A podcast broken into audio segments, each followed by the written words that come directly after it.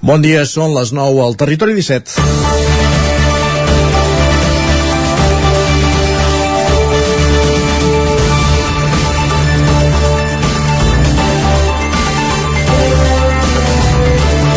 A principis de la setmana es va fer viral un vídeo gravat dissabte a la tarda en una discoteca de Barcelona, després hem sabut que no té llicència de discoteca, on un grup de joves menors d'edat perreaven, és a dir, ballaven ritmes actuals, una dansa amb més que connotacions sexuals on hi arribava on hi arriba a haver contacte entre el club de les noies i la zona genital masculina. Em va agradar molt el vídeo del TN migdia de TV3 de dimecres on es donava veu a diferents persones sobre el mateix fet i les diferents perspectives. Perquè no és el mateix veure-ho amb ulls de jove que d'adult, amb ulls d'home o de dona o amb ulls de pare o mare i, o els que no ho són.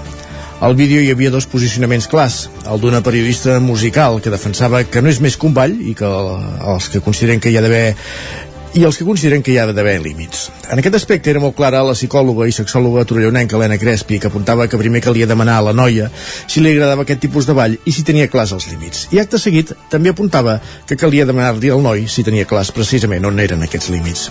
És només un divertiment, no va més enllà. Excés de proteccionisme o inconsciència.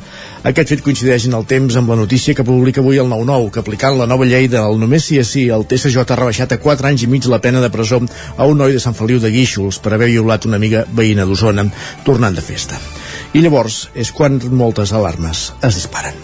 És divendres 20 de gener de 2023. Comença el Territori 17 a la sintonia de la veu de Sant Joan, Ràdio Cardedeu, Ona Codinenca, Ràdio Vic, el 9 FM i també ens podeu veure i ho a través del 9 TV, Twitch i YouTube. Territori 17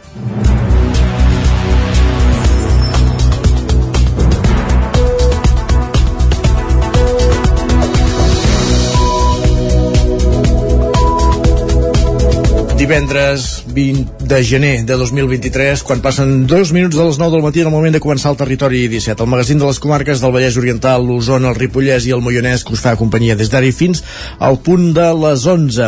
Amb quins continguts? Doncs ràpidament us els avancem. Avancem tot seguit el menú del programa d'avui divendres. En aquesta primera mitja hora ens dedicarem a repassar les notícies més destacades de les nostres comarques en connexió amb les diferents emissores del Territori 17. També farem un cop d'ull a la previsió del temps, ja us avisem, amb un Pep Acosta afectat per les temperatures, constipat de veu, i, i alertant-nos que tindrem un cap de setmana en fred intens. Després de conèixer la previsió del temps, aquest és el titular, en Pep ens ho ampliarà d'aquí uns minuts, anirem fins al quiosc amb en Sergi Vives a saber quines són les portades dels diaris d'avui. És divendres a dos quarts de deu en punt, temps de tertúlia, avui en companyia de, de Miquel R, Gemma Permanyer i Txell Vilamala, aprofundint en aspectes de l'actualitat de les nostres comarques. Arribarem al punt de les 10 amb música i a les 10 més notícies, l'actualitat del territori 17, la previsió del temps i els esports. És divendres, entrem al cap de setmana, cap de setmana és sinònim d'activitat esportiva i volem saber quines són les agendes pels equips de les nostres comarques, pels equips i pels esportistes de les nostres comarques. A dos quarts d'onze, com cada divendres, ens acompanyarà en Jaume Espuny, que arribarà aquí als estudis del 9FM amb un disc sobre, sota el braç, un clàssic musical que repassarem, que escoltarem i que coneixerem la trajectòria de, del seu artista i acabarem el programa com cada divendres repassant l'agenda d'actes pel cap de setmana en roda les, per les diferents emissores del territori 17. Aquest és el menú que us oferim avui. Ens disposem a servir-lo. Comencem, com dèiem, repassant les notícies més destacades de les nostres comarques. El Vallès Oriental, l'Osona, el Ripollès i el Moianès. I precisament comencem al Ripollès per explicar que condemnen a 18 anys de presó el veí de Ripoll acusat de violar la seva fillastra i gravar-la amb el mòbil. Isaac Muntades, la veu de Sant Joan. La secció tercera de l'Audiència Provincial de Girona va condemnar aquest dimecres un veí de Ripoll de 51 anys a 18 anys de presó per violar la seva fillastra menor d'edat durant 5 anys i gravar-la en vídeo, segons informa l'Agència Catalana de Notícies. En un primer moment, la Fiscalia li demanava fins a 24 anys de pena de presó, però com que l'acusat va reconèixer els fets, se li va subscriure l'escrit de l'acusació i se li va rebaixar a 18. L'home va reconèixer els delictes d'abús sexual en penetració a una menor de 16 anys i elaboració de pornografia infantil. Els fets es remunten al 2009, quan el condemnat va començar amb una relació amb la seva mare a Venezuela. Quan es van casar, la dona ja tenia tres fills. Aleshores, la més petita, que llavors tenia un any i mig, va ser la víctima. La parella també va tenir un fill en comú. A partir d'aquell moment, va venir a viure a les comarques gironines, fins que va establir-se a Ripoll. Tot i divorciar-se l'any 2020, van continuar vivint junts. Segons va explicar el processat, els abusos van començar quan la menor tenia 8 anys, el 2016, i es van allargar durant 5 anys de manera freqüent i arribant a una periodicitat de fins a 4 cops per setmana. L'acusat va aprofitar quan estava sol amb la menor o només quan hi havia el germà petit nascut del matrimoni. L'home la tancava a una de les habitacions del domicili i un cop allà l'obligava a fer-li fal·lacions, tot i les reiterades negatives de la nena. A més a més, la va penetrar en alguna ocasió. El darrer episodi d'abusos va tenir lloc el 16 de juny del 2021, ja que en aquella ocasió l'individu va gravar els fets amb el mòbil, però per error va enviar 25 arxius de contingut sexual per WhatsApp a uns familiars només dos dies després. Les agressions sexuals que havia patit la menor van provocar que ser atesa pel Servei de Salut Mental del Cap de Ripoll. També té simptomatologia compatible amb estrès posttraumàtic amb malsons, insomnis, ansietat, idees persecutòries o patiment emocional. L'acusat estava en presó preventiva des del 23 de juny del 2021. En el judici va aprofitar el darrer torn de paraula per dir que estava penedit i que volia veure el fill en comú que té amb la mare de la víctima. Quan l'acusat hagi complert tres quartes parts de la condemna o quan pugui accedir al tercer grau, l'acusació demanava que l'expulsessin del país i li prohibissin tornar en un termini de 10 anys. En concepte pel dany causat a la víctima i de responsabilitat civil, el processat haurà d'indemnitzar-la amb 40.000 euros un relat esfraïdor, sens dubte. Les obres del polígon del Pla del Mas de Manlleu haurien de començar d'aquí poques setmanes, ja que dimecres va arribar la resolució del Tribunal Català de Contractes que ha desestimat el recurs que havia interposat una de les empreses que s'havien presentat al concurs Sergi Vives. La Generalitat ha desestimat finalment el recurs que una de les empreses que es va presentar al concurs per la construcció del nou polígon del Pla del Mas a Manlleu havia interposat al Tribunal Català de Contractes. L'inici de les obres d'un polígon clau per dotar el municipi de sol industrial havia quedat aturat a l'espera de la resolució del tribunal. La decisió que l'Ajuntament reclamava des de fa setmanes ha de traduir-se en un inici immediat de les obres d'urbanització del polígon que, segons l'alcalde Àlex Garrido, s'ha de produir d'aquí a poques setmanes entenem que podem tardar entre 3 i 4 setmanes com a màxim per ja començar les obres del polígon. Aquest creixement eh, en sol industrial l'estàvem perseguint des de feia molt de temps per les necessitats evidents de les mateixes empreses que ja hi han instal·lades al, al polígon que necessiten créixer. Eh, a banda d'això teníem altres empreses interessades en venir a Manlleu. Per tant, és un projecte eh, essencial pel futur de, de la nostra ciutat, pel futur econòmic L'Ajuntament de Manlleu es va queixar públicament abans de Nadal per el retard en el pronunciament del Tribunal de Contractes. Llavors Garrido va anunciar que es plantejaven portar el cas al Tribunal Superior de Justícia de Catalunya. Junts per Catalunya, que comparteix el govern de Manlleu amb Esquerra Republicana, també es va afegir a la pressió i la setmana passada va registrar una pregunta al Parlament sobre la demora i els calendaris. D'aquesta resolució pendent, segons Garrido, també se'n va parlar en la visita divendres passat a Manlleu del president de la Generalitat per Aragonès. Quan va venir el president de la Generalitat aquí a, Manlleu, eh, ell estava perfectament al cas de la problemàtica que teníem. De fet, eh, ell em va traslladar aquell mateix dia que dimecres, per tant, eh, eh, ahir hi hauria la resolució i a la una del migdia teníem la resolució ja entrada a l'Ajuntament. El polígon del Pla del Mas tindrà gairebé 121.000 metres quadrats, dels quals 60.000, 66.000 de sol industrial edificable.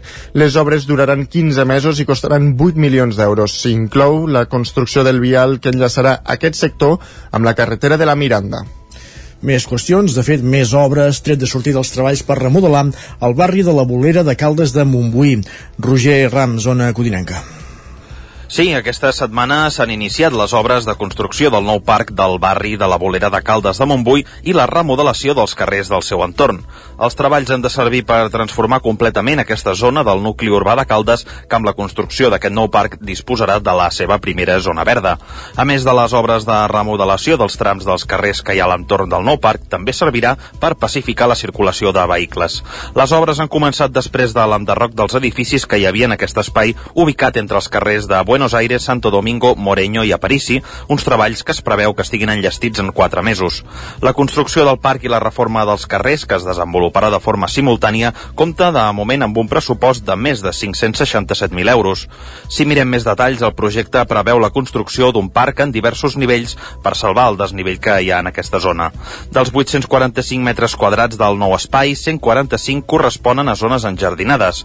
Tot plegat es fa amb l'objectiu de disposar d'un espai obert amb visibilitat diàfan i ben il·luminat que millori el confort de la ciutadania i es converteixi també en un punt de trobada pels veïns i veïnes d'aquest barri. L'alcalde de Caldes, Isidre Pineda, en fa aquesta valoració. Venim a anunciar que ja ha començat l última fase del que serà el futur parc de la Bolera. Han començat ja les obres d'aquest punt tan cèntric de Caldes de Montbui, en el que serà una de les transformacions urbanístiques més importants que s'hauran fet a Caldes de Montbui en els darrers anys. Estem parlant d'un barri molt densament poblat, urbanísticament eh, molt massificat, amb carrers molt estrets, al qual, doncs, amb aquesta proposta de, nova, eh, de nou espai públic intentarem donar moltíssim aire el parc també disposarà d'elements lúdics i de jocs infantils. Entre d'altres elements eh, també hi haurà una zona d'escalada i un tobogan que aprofitarà el desnivell de la zona i també s'integraran els talusos que es construiran. També s'instal·larà diferent mobiliari urbà i una font d'aigua. Paral·lelament a la construcció d'aquest parc també es duran a terme, com dèiem, els treballs de reforma dels carrers de l'entorn. El projecte preveu convertir els trams de carrers que envolten el parc en una zona amb la mobilitat pacificada, donant més, protagonista, més protagonisme als vianants. És per això que es transformarà els carrers que actualment tenen voreres estretes i vehicles aparcats en carrers amb una plataforma única, és a dir, sense voreres, en què s'eliminarà la majoria de les places d'aparcament per potenciar aquest espai. A més, també es limitarà la velocitat dels cotxes a 20 km per hora. Escoltem Jaume Mauri, regidor d'Espais Públics i Mobilitat de Caldes. Venim d'unes cases abandonades amb estat de ruïna, d'un procés llarg administratiu d'expropiació que ha costat molta feina tota la legislatura i ara estem culminant amb la construcció d'aquest parc. Doncs aprofitant que fèiem aquest parc hem volgut donar un, aquest caràcter ja de, de carrers pacificats i hem fet una inversió en tota aquesta legislatura de vora 1.100.000 euros per transformar aquest espai de ruïna en un espai amb persones, amb convivència i lúdic per les famílies. La transformació d'aquests carrers també servirà per soterrar tots aquells serveis existents, eliminant bona part del cablejat aeri que hi ha actualment en aquests carrers. A més, el projecte contempla la necessitat d'actualitzar i substituir la senyalització vertical i la instal·lació de miralls convexes en determinades cantonades per facilitar la circulació dels vehicles i alhora també millorar la seguretat en els encreuaments. Els dies de mercat setmanal, això sí, l'afectació més important és pel del veïnat del carrer Migdia i els trams tallats dels carrers Santo Domingo i Aparici. En en aquests casos, els cotxes hauran d'accedir pel carrer George Lawrence i sortir pel carrer Migdia i la plaça del Moreu. Gràcies, Roger. Més qüestions. A Vic, del 3 al 6 de febrer, Vic tornarà a acollir el Trufòrum, una edició que per primera vegada es desplegarà al recinte firal del Sucre. Sergi. La cinquena edició del Trufòrum es farà del 3 al 6 de febrer a Vic i per primera vegada es desplegarà el recinte firal del Sucre, una proposta consolidada que, segons Anna R, l'alcaldessa, es dirigeix als professionals però també al públic general. Pels professionals professionals, per als que coneixen i volen, doncs, o són grans especialistes en aquest món de la tòfona, eh? I, és a dir, aquesta idea d'aquesta fira congrés eh, de la tòfona, però l'altre també amb el que hem volgut anar creixent i que volem doncs, que sigui cada vegada més la festa de la tòfona no? que cada vegada també sigui més eh, assequible el canvi d'emplaçament és una de les novetats de l'edició que torna amb l'objectiu de posicionar internacionalment Catalunya com a país productor de tòfona i apropar aquest producte a la societat. Ho explicava la directora general d'Ecosistemes Forestals i Gestió del Medi del Medi del Departament d'Acció Climàtica, Anna Senitges. Un dels uh, primers reptes doncs, és acabar de posicionar Catalunya a nivell internacional com a productors de, de tòfona i de la seva utilització i comercialització no? i emmirallant-nos a països com França que van una mica per davant però que ja segur que els atrapem Marc Ramos, del restaurant Sinofos de Girona, i Nando Jubany i Kiko Arumi, de Can Jubany, són els grans noms que passaran per la cuina de la Tòfona, l'espai reservat dels show cookings, que per primera vegada s'integraran l'espai expositiu de la fira. Les cares més visibles de l'edició, però, seran la de l'ambaixador d'honor de la Tòfona i la del guanyador de la Tòfona d'Or 2023, el cuiner Paco Pérez i el periodista Jordi Basté, respectivament. Una de les altres novetats de l'edició es desplegarà diumenge a la, pla a la planta baixa del recinte firal, un esmorzar popular que oferirà Osona Cuina. Així ho explicava el director del Trufòrum, Daniel Oliac.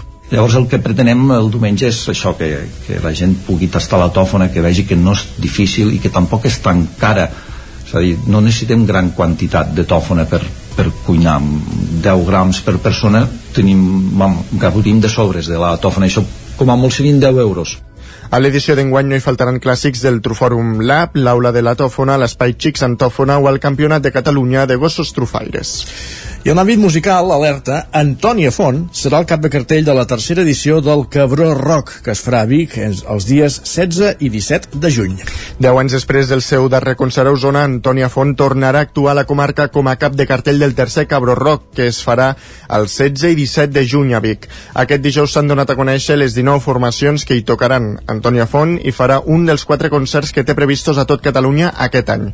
Entre els tres grups més destacats també hi ha Zoo, que també farà a Vic Vic una de les tres úniques actuacions del 2023 i Stay Homes que hi presentarà el nou disc. Així ho explicaven Narcís Castellà, director del Festival Iberpia, la regidora de Cultura.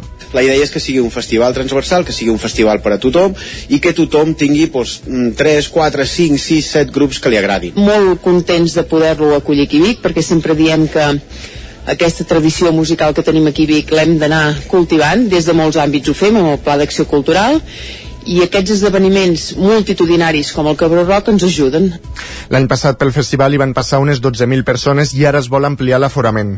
El cartell del Cabró Rock, que es fa per primer cop sense mesures per frenar la pandèmia combina grups consolidats com Buos, Joan Dausà, Els Amics de les Arts o Làgrimes de Sangre amb nous talents com Les que faltaven que estaven presents ahir a la presentació. Una de les seves integrants, que Lara Reverter, es mostrava orgullosa que comptin amb elles per tancar el festival. Nosaltres estem molt contentes de ser aquí avui, perquè serà el primer festival al que participarem com a grup, que tot just fa un any que vam començar a rodar, i també estem molt contentes de que s'aposti per un grup de versions per acabar el festival d'una manera molt festiva en comptes d'un DJ. El Cabró Rock aposta una vegada més pel públic infantil amb el Cabró Kids, que actuarà, on actuarà el Pot Petit. El festival també estrenarà un servei amb diverses línies de bus des de diferents poblacions de Catalunya. I en la secció d'esports ens fixem avui en una figura sempre molt criticada, perquè aquesta setmana s'han incorporat, aquesta temporada volem dir, s'han incorporat 21 àrbitres nous a la delegació de la Federació Catalana de Futbol a Osona. A Osona cada cap de setmana es juguen de mitjana uns 140 partits de futbol corresponents a lligues de la Federació Catalana. Comptant que per xiular fan falta uns 60 àrbitres, la delegació d'Osona anava una mica justa d'efectius. Per això aquesta temporada se n'han incorporat 21. Així ho explica el responsable del Comitè Tècnic d'Àrbitres de la Federació a Osona, Jordi Haldon. Aquí a Osona tenim una cosa molt important, que és que tenim àrbits de categoria. Significa que tenim un, un assistent de primera ref, tenim un àrbit de segona ref, tenim dos àrbits de tercera ref, i després tenim també segones catalanes, primera catalana. Això significa que cada setmana eh, se surten tres àrbits d'aquí a Osona, no? O sigui, hi ha, hi ha dissabtes que, que, que perdem fins a 18 àrbits perquè tenen que sortir àrbits i assistents. I llavors, clar, es quedaven molt curtets i, i, i si teníem alguna baixa o teníem algú que es posava malalt, eh, ens costava molt fer, fer realment el, a, la, la jornada. Per formar-los han hagut de fer un curs extraordinari basat en proves teòriques i, físics, i físiques. Un exemple és el de Gil Mendoza, jugador del juvenil A del Taradell. Ara fa un any va decidir també fer-se àrbitre. Doncs amb aquesta història que veiem aquest repàs informatiu que començàvem al punt de les 9 aquí al Territori 17 en companyia de Sergi Vives, Isaac Muntades, Pol Grau i Roger Rams. Moment al Territori 17 de saludar també en Pep Acosta. Perquè és divendres i volem saber quin temps farà el cap de setmana.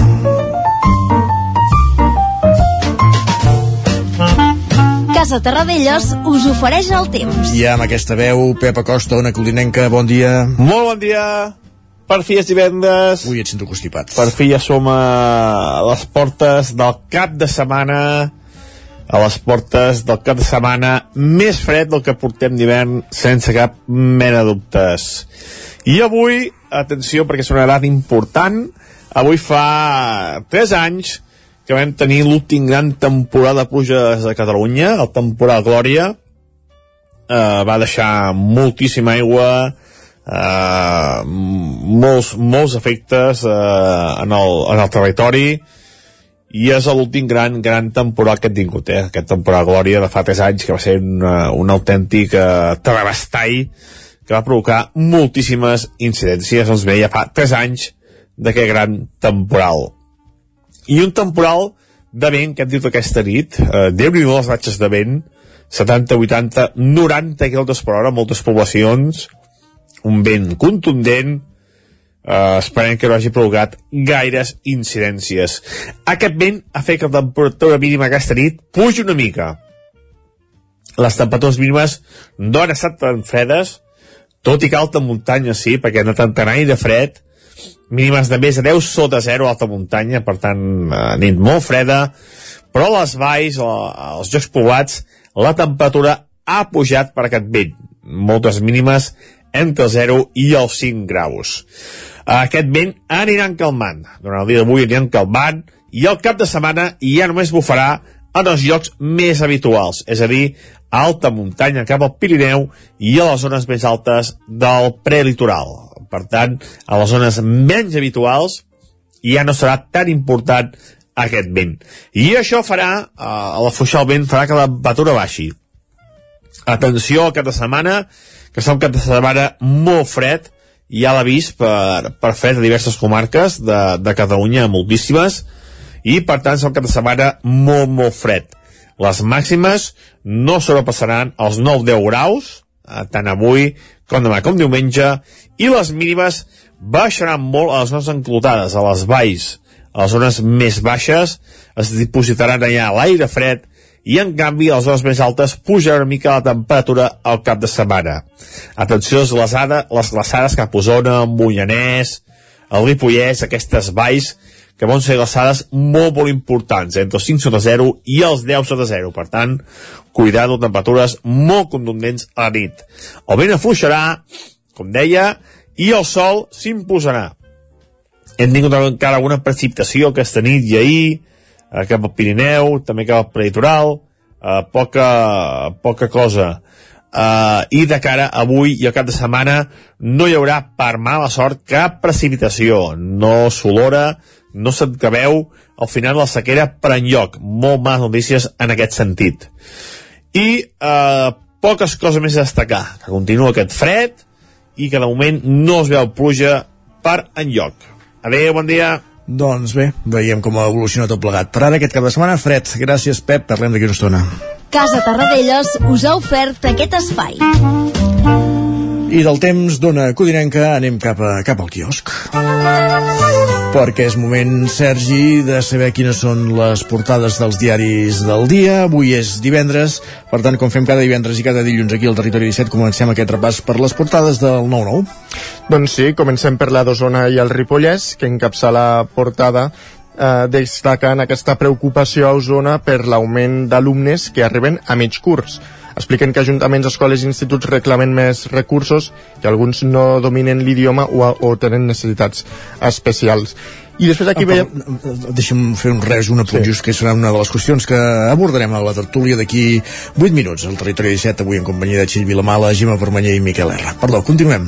Continuem perquè també a la portada la presideix uh, una notícia curiosa i és que el club uh, de futbol Sant Julià de Vilatorta ha sumat aquesta temporada un nou equip que té la singularitat d'estar format per tres parells de bessones i després veiem aquí una fotografia tot aquest grup de, de, de nenes aguantant una pilota. una pilota. Veiem les, les sis bessones, per entendre'ns, i les altres jugadores de l'equip que no ho són, que són quatre més, a part de, la, de les sis bessones, i que il·lustra l'auge que hi ha pel futbol femení en edats ja molt prematures, després d'efectes de, com el de de, del Barça eh, de, de l'Alexia Putelles multitítols no? de la temporada passada, Alexia Putelles, etc etc etc. Perdó Endavant, continuem. Doncs va, anem cap al 9-9 del Vallès Oriental, que ens expliquen que posen el crit al cel amb la població, amb la prohibició del pas de camions per la ronda sud de Granollers. De fet, els empresaris se senten menys tinguts perquè ningú no els ha consultat res. I després també expliquen que hi ha hagut un detingut després de tenir un accident mortal amb el carnet suspès. Més accidents a la carretera que... Sí, sí. En fi. Fet és aquell accident mortal que inicialment el conductor no sabia qui, qui era l'acompanyant que havia mort. Mare de Déu senyor. Més qüestions. Doncs vinga, anem cap a, cap a la premsa catalana. El punt avui encapça la portada dient que encara hi som. Diuen que milers de manifestants posen el conflicte polític a Catalunya al mig de la cimera franco-espanyola. Afegeixen que la rebuda testimonial d'Aragonès a Sánchez i Macron resumeix la fugaç participació catalana en la reunió. El periòdico ha posat una fotografia de Sánchez i Macron que ocupa tota la portada. Els dos d'esquena miren a, des del balcó del Museu Nacional d'Art de Catalunya a Barcelona i aquesta imatge la titulen Amics per Europa. Expliquen que el govern central blinda per la fortalesa de l'eix hispano-francès davant el clàssic franco-alemany. La Vanguardia diu que Sánchez i Macron s'alien a Barcelona per a una Europa més sobirana. Expliquen que tots dos mandataris aboquen, des, eh, aboquen desemborsament públic més gran per impulsar la indústria i defensa europees. També expliquen que uns milers de persones, 6.500 segons la urbana i 30.000 pels organitzadors, es van manifestar per mostrar que el procés encara és viu. Lara diu que Espanya i França es conjuren per anar a l'una Europa. Expliquen que el Tractat de Barcelona consagra el front, el front comú dels dos països en el marc de la Unió Europea. També destaquen que l'independentisme ha sortit al carrer contra la cimera amb la qual han buscat una imatge d'unitat però ha acabat amb Junqueras escridassat. I anem cap a Madrid. El país diu que nou països de l'OTAN es comprometen a enviar armes pesades a Kiev i també afegeixen que afegeixen que creix la pressió sobre Alemanya per desbloquejar l'entrega de tancs Leopard. L'ABC diu que Sánchez no aconsegueix presentar davant Macron la Catalunya normalitzada. Expliquen que assisteix a la plantada del president català i de la seva amenaça. Uh, de fet, Aragonès li va dir a Sánchez que el procés independentista no ha acabat. El Mundo diu que Ucraïna exigeix tancs a Espanya davant el silenci del govern. També diuen que Aragonès planta Macron i Sánchez i Sánchez eh, li dona les, les gràcies. I la raó destaca la plantada d'Aragonès a l'himne davant de Sánchez i Macron. També expliquen que més de 200 violadors i pedrastres han estat beneficiats per la llei del sí és sí. També diuen que Putin amenaça amb una escalada bèl·lica pel subministrament de tancs a Ucraïna. Això és la raó, eh, has dit? La raó. Això és l'important, eh? Plantar la bandera. Això és el més rellevant sí, de tot sí, plegat, sí. sens dubte. Tenim 10 segons per repassar digitals. Pues mira, Osona, el Ripollès, Antoni Estrovell i la vida d'un republicà oblidat del segle XIX a Santa Eugènia, és una de les notícies.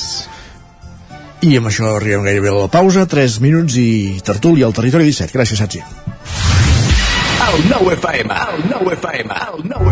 Has esperat que arribi el fred per comprovar si et funciona bé la caldera? No pateixis, a Casa Jové som especialistes en manteniment, reparació i revisió d'equips d'aigua calenta i calefacció, tant en l'ambient domèstic com industrial. Si tens una avaria, no ho dubtis. Som Casa Jové. Ens trobaràs al carrer Girona, número 9 de Vic, i al telèfon 93 886 1596. Casa Jové, el teu servei tècnic de confiança. No t'ho creuràs. M'ha trucat el servei tècnic oficial de Saunier Duval perquè han detectat a distància que li falta aigua a la caldera. Era a casa i no me n'havia adonat. I què has fet? Res, perquè el meu servei de manteniment Mi Saunier Duval Connect m'ha donat una solució en qüestió de minuts. Informeu-vos a connectivitat.saunierduval.es. Saunier Duval, sempre al seu costat. Al forn de pa i pastisseria Glina hi trobareu una gran varietat de pans de producció pròpia amb farina de blat i de molts altres tipus, tots elaborats al nostre obrador. També us oferim tortells, braços de gitano, coques, brioixeria i pastes seques i pastissos personalitzats. I ara també ens trobareu al Mercat Municipal de Torelló. Forn de pa i pastisseria Glina, carrer Major número 9 de Sant Vicenç de Torelló i Mercat Municipal de Torelló. Bon dia, són les 9 al Territori 17. Hola, Miquel Parella. Cada matí i durant dues hores t'acompanyem i et posem al dia de l'actualitat de casa nostra. Potenciant així l'autonomia En aquest cas me la peça el taler si no... Cursos per feminitzar el pensament masculí. Territori 17, el magazín matinal d'Osona, el Moianès, el Ripollès i el Vallès Que Oriental. la meva àvia de 93 El anys... 9 FM, el 9 TV, el 99.cat i també els nostres canals de Twitch i YouTube. demà per fer-se un tatuatge. Cada matí, Territori 17. Ole. Anuncia't al 9FM. La màquina de casa. 9 3 8 8 9 4 9 4 9 Publicitat arroba al 9FM.cat. Anuncia't al 9FM. La publicitat més eficaç. Cocodril Club. Si t'agrada la bona música dels anys 60, 70 i 80, escolta el 9 FM als matins de dissabtes i diumenges d'11 a 1. És el temps del Cocodril Club, tot un clàssic de la ràdio, amb les bases del pop-rock, les llegendes, les cançons que s'han convertit en autèntics himnes. Recorda, dissabtes i diumenges al matí, d'11 a 1, al 9 FM 92.8. Cocodril Club, el programa revival de l'Albert Malla. Hasta luego, cocodrilo. Bon dia, són les 9 al Territori 17. Hola, Miquel Parella. Cada matí i durant dues hores t'acompanyem i et posem al dia de l'actualitat de casa nostra. Potenciant així l'autonomia En aquest cas me la peça el taler si no... Cursos per feminitzar el pensament masculí. Territori 17, el magazín matinal d'Osona, el Moianès, el Ripollès i el Vallès Que la Oriental. meva àvia de 93 El 9 anys... FM, el 9 TV, el 99.cat i també els nostres canals de Twitch i YouTube. demà per fer-se un tatuatge. Cada matí, Territori 17. Ole. Ara mateix al Territori 17, dos quarts d'onze.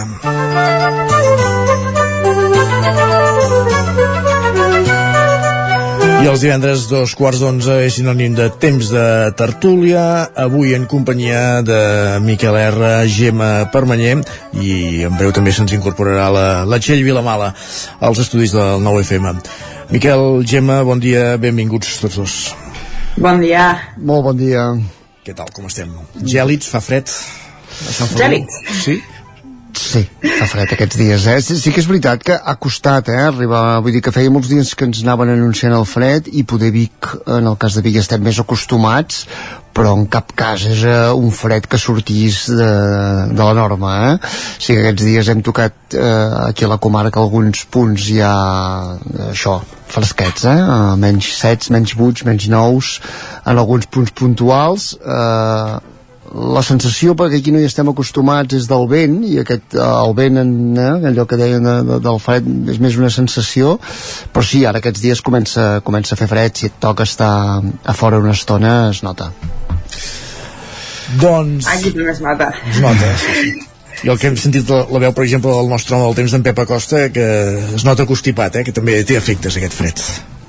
Gemma. Home, anem desabrigats i ens ve, ens ve de cop, no? Tenim, vam estar el dia de Sant Esteve fent el vermut amb màniga curta Ah, i ens trobem la setmana dels vermuts que està fent el temps de la setmana dels vermuts.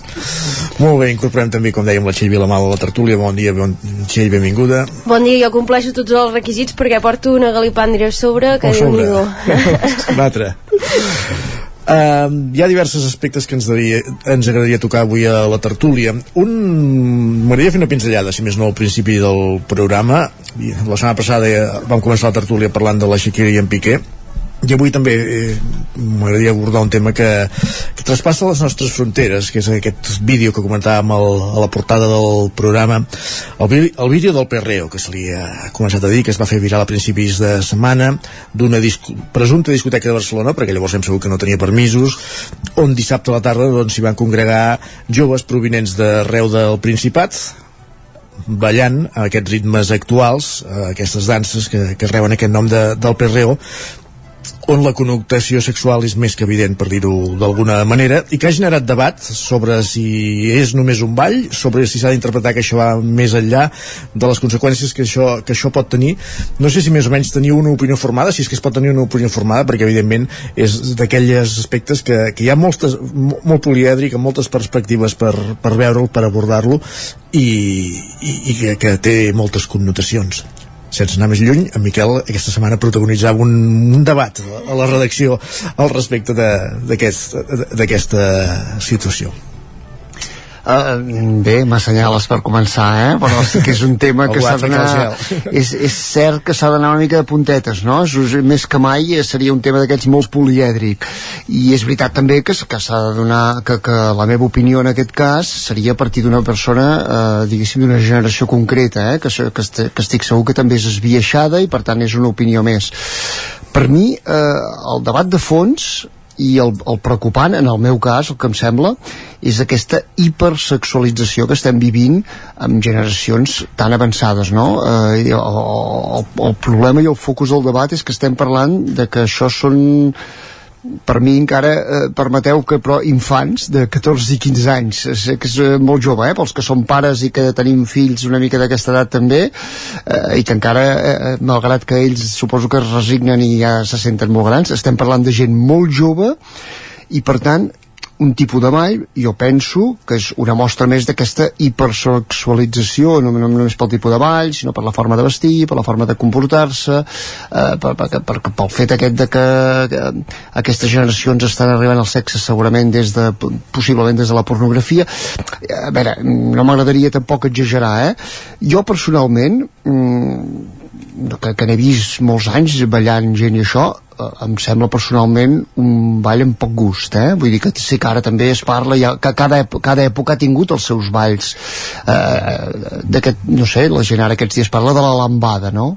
Eh, personalment la lambada mai, no, no m'ha motivat mai gens no? penso que hi ha maneres diferents de, de ballar sí que és veritat que, que tot, que tot tot té un origen, tot té una cultura, aquestes segurament doncs, són, són tipus de balls que, que ens venen més de la cultura llatina, com eh, personalment m'agrada més veure ballar un bon tango i en canvi pot ser també, pot tenir un component molt sensual, un, un bon tango argentí, però bueno, això seria temes d'estil. Eh, Jo el que em preocupa d'aquest cas és això, en, en edats molt joves, amb un rerefons que aquí hi, hauria, hi haurien moltes, moltes, moltes, moltes derivades, no? Per exemple, estem parlant ja d'un local sense, sense permís, per tant, per què no?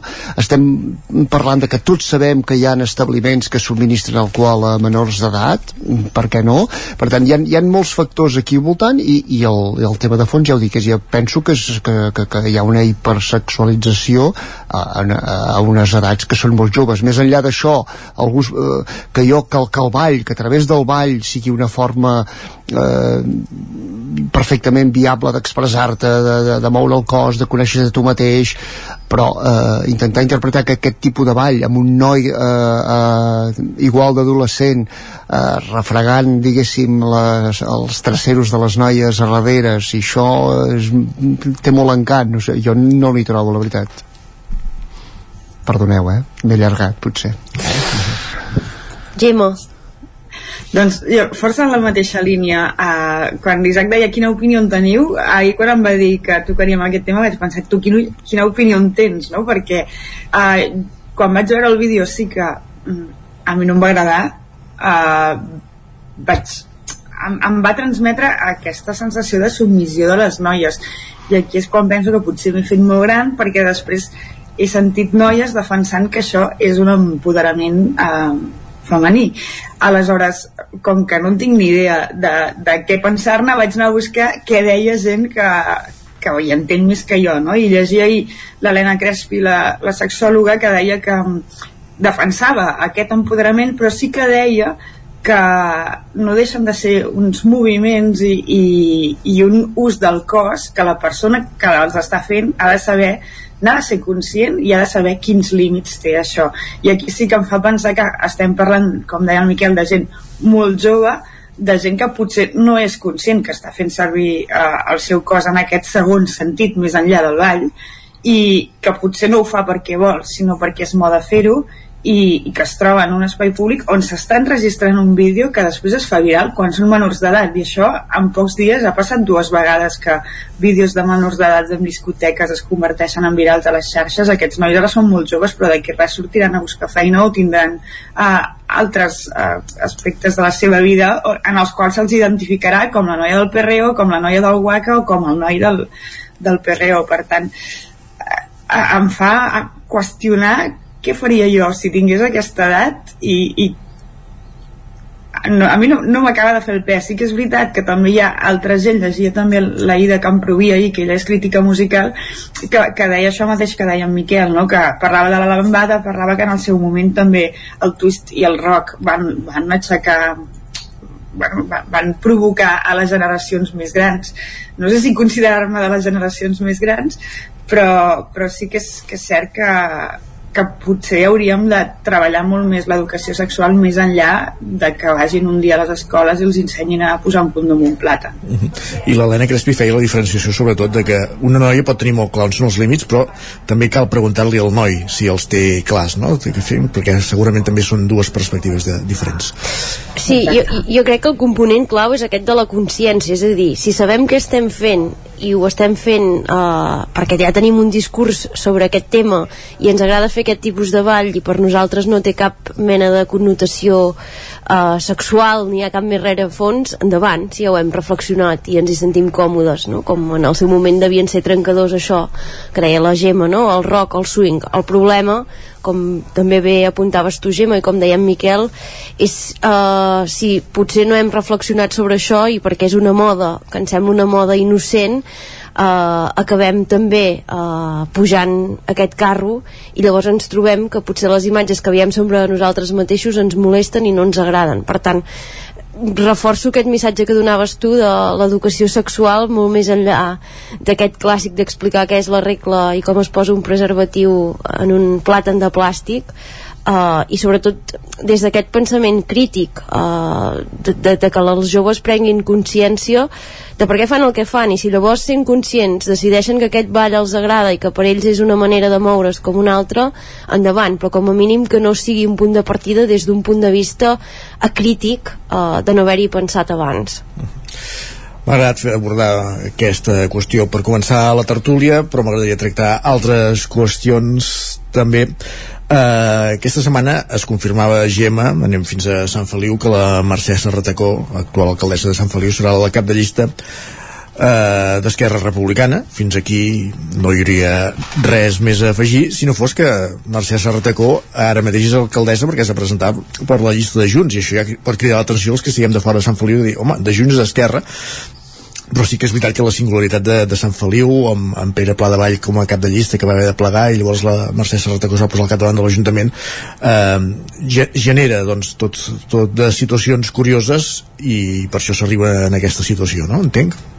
De fet, sí, requereix un mapa, perquè el Junts per Sant Feliu de Codines, que està governant a Sant Feliu, no és Junts per Catalunya, Sant Imagina. Feliu de Codines, sinó que és un partit independent que es diu Junts per Sant Feliu de Codines. Uh, ella va ser alcaldessa uh, en plena pandèmia, el juny de 2020, després que un tuit xenòfob de l'alcalde uh, accelerés una dimissió que ja estava prevista amb, amb el pacte de govern que van fer Junts i PSC perquè van guanyar en minoria, PSC els hi va donar suport amb la condició que al cap d'un any de mandat el Pla de Vall fes un pas enrere i posessin algú eh, que el succeís.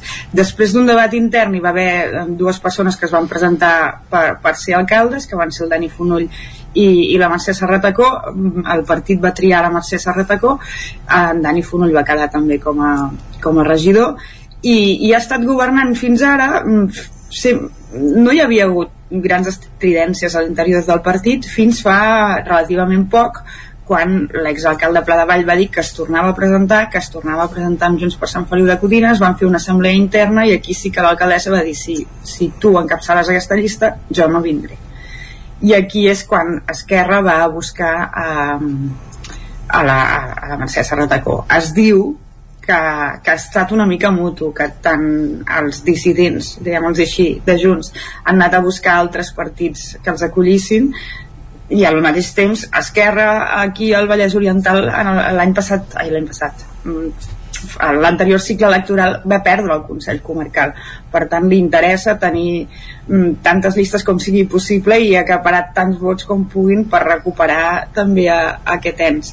Aleshores d'aquí on s'entén també l'aposta per, per, per agafar aquesta persona però ara estem en, un, en una situació molt estranya perquè ells, eh, en Dani Fonoll ha passat a ser mm, president local d'Esquerra però segueix sent primer tinent d'alcalde per Junts, per Sant Feliu de Codines i ells ja han dit que no, que no trencaran el partit pel qual van jurar el càrrec. Aleshores jo crec que a nivell periodístic ens veurem obligats tota l'estona a dir eh, alcaldessa de Junts i candidata d'Esquerra perquè si no la, la nostra audiència anirà perdudíssima i, i la situació és, és molt estranya perquè no tots els de Junts per Sant Feliu aniran a Esquerra n'hi ha dos que se sap segur que no i mentrestant el regidor d'Esquerra que és en Pau Ibars que ja va dir que ell no es tornava a presentar perquè després de 8 anys ja ho deixava tampoc deixarà la regidoria perquè ell el seu, diu que el compromís amb els seus electors els té fins a final de mandat Uh -huh. aleshores què defensaran en els propers mm, quatre plens? Veurem, serà un escenari curiós. Sí, a tot això, uh, per afegir-hi més d'això, Junts per, Sant Fel... Ai, Junts per Catalunya també es tornarà a presentar, que no s'havien presentat a les últimes i així eh, generem més confusions a l'electorat.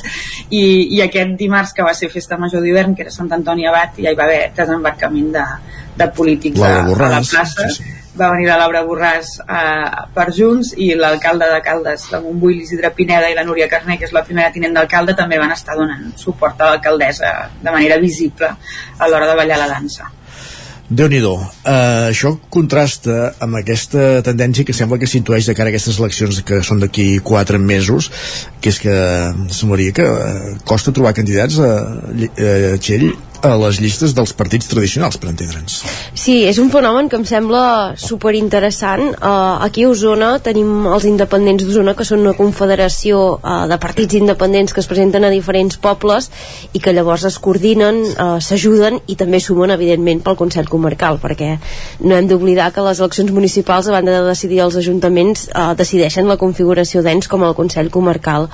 Aleshores sí que estem veient que els partits, entre cometes, de tota la vida, perquè això de tota la vida ja sabem que ara no val perquè s'han, en el cas de l'espai convergent diguem tradicional s'ha formulat, reformulat i ja passem a la setena o la vuitena pantalla. Diguem, és igual, aquests partits Esquerra, Junts, el PSC, els costa trobar candidats i per contra eh, els independents eh, estan vivint una mena de febre en el sentit que el coordinador ens explicava que déu nhi la gent que els hi truca a la porta explicant que tenen ganes de fer coses pel poble però no tenen ganes de vincular-se a les cicles polítiques de cap partit polític.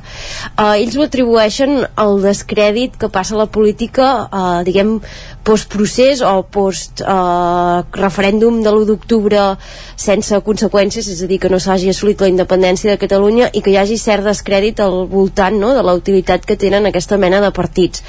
Mm, jo personalment mm, hi veig coses d'una banda i en l'altra, és a dir, d'una banda eh, tampoc podem perdre de vista que presentar-se en un partit polític té els seus avantatges. El primer és que al darrere hi ha una estructura es demanen uns certs avals unes credencials, eh, es valora eh, si aquestes persones doncs, tenen les aptituds eh, per encapçalar els ajuntaments i llavors se'ls dona doncs això, assessorament, eh, se'ls ajuda amb la campanya eh, ajuda en la configuració dels equips.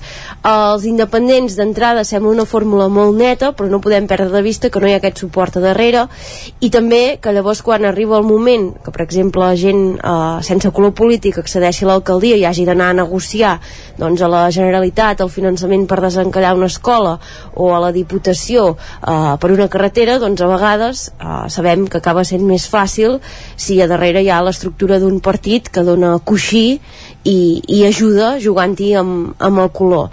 Per tant, veurem aviam si, si aquest fenomen dels independents es concreta, si realment hi ha una eclusió de llistes i si és així també, eh, llavors quin suport hi ha eh, de part de l'electorat si la gent també combrega, el votant combrega amb aquesta idea de que fa falta trencar amb els partits, que avui, per exemple, ho defensa l'alcalde de Vilanova de Sau en una entrevista que publiquem al 9-9 d'aquí Osona, o si hi ha gent eh, que encara dona molt pes al valor d'unes cicles polítiques. Això passa eh, en municipis de totes les dimensions o més els, els més petits? Crec que passa sobretot als més petits, però també perquè els més grans normalment hi acostuma a haver ja seccions locals del par dels partits ben trebades i evidentment a, a Junts, a Esquerra, doncs els interessa, com no pot ser d'altra manera, eh, tenir una estructura ben formada a Vic o Manlleu, perquè això són vots i perquè són ciutats importants, no? Segurament, si s'han de jugar les garrofes a diferents llocs d'Osona, doncs aquests partits s'aniran a assegurar als municipis més grans i potser deixaran per a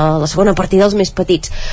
Però entre cometes, eh? perquè ho intenten a tot arreu. Ara uh, sí que és evident que aquest fenomen dels independents on hi ha, on no hi ha secció local o, o on costa que hi hagi més aquesta adscripció a partits polítics doncs tenen més números que, que vagin endavant aquesta mena de llistes Sí, de fet donaves, no sé si pot ser simptomàtic, no?, el fet aquest de que segons les cicles que, amb les quals vas a negociar el govern de la Generalitat de torn eh, sigui més fàcil no obtenir un ajut en funció del teu color polític no? poder, poder, ja, ja, ja, estem, ja estem viciats amb la forma aquesta d'actuar no? que no, no pesa tant el projecte en si sinó el color amb el que ho defenses jo, jo no, poder no posaria tant el punt d'inflexió en el procés eh, sinó que ve de molt enrere o, o, de força més enrere aquest descrèdit que està vivint la política i els jutjats n'estan plens de casos i el problema és que segurament això ha acabat rebotant a, a la baula més feble de la política no?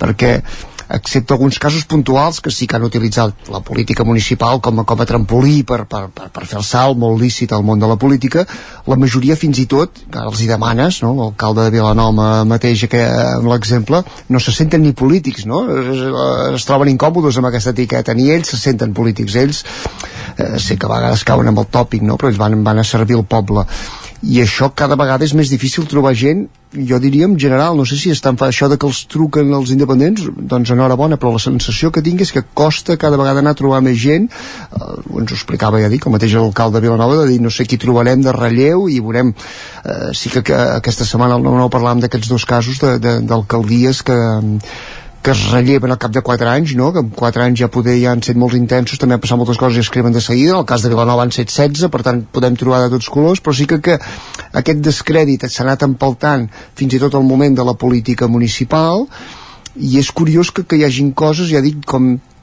que, que, que ja no és només eh, la, la política en si, el fet aquest de que el polític eh, local és el que dona la cara pròpiament davant del ciutadà, sinó que a vegades eh, n'acabin cremats pel, pel tema de la burocràcia que els hi carreguen, de com els ajuntaments els hi costa doncs, doncs sortir d'aquests bucles administratius i per tant poder, poder entre tots hauríem d'ajudar a canviar el sistema per ajudar aquesta gent que, que realment es volen presentar per, per, per fer un servei al ciutadà que, que ho tinguessin més fàcil. Més enllà ja dic, de, de llavors la, la guerra aquesta de les cicles i que sí que determinades cicles poder eh, han sortit, diguéssim, més tacades eh, arran del, com deies tu, arran del procés. Però és que encara em sembla més interessant introduir la tercera pota de les marques blanques, perquè eh, ara fa 4 anys a les eleccions del 2019, per exemple, a Folgueroles hi va néixer l'actual llista que ara governa, que, era despert, que és Desperta Folgueroles AM, una llista sota el paraigües d'Esquerra Republicana, eh, cobertament s'enfadava amb el 9-9 quan es deia que era la llista d'Esquerra, malgrat era evident que portava les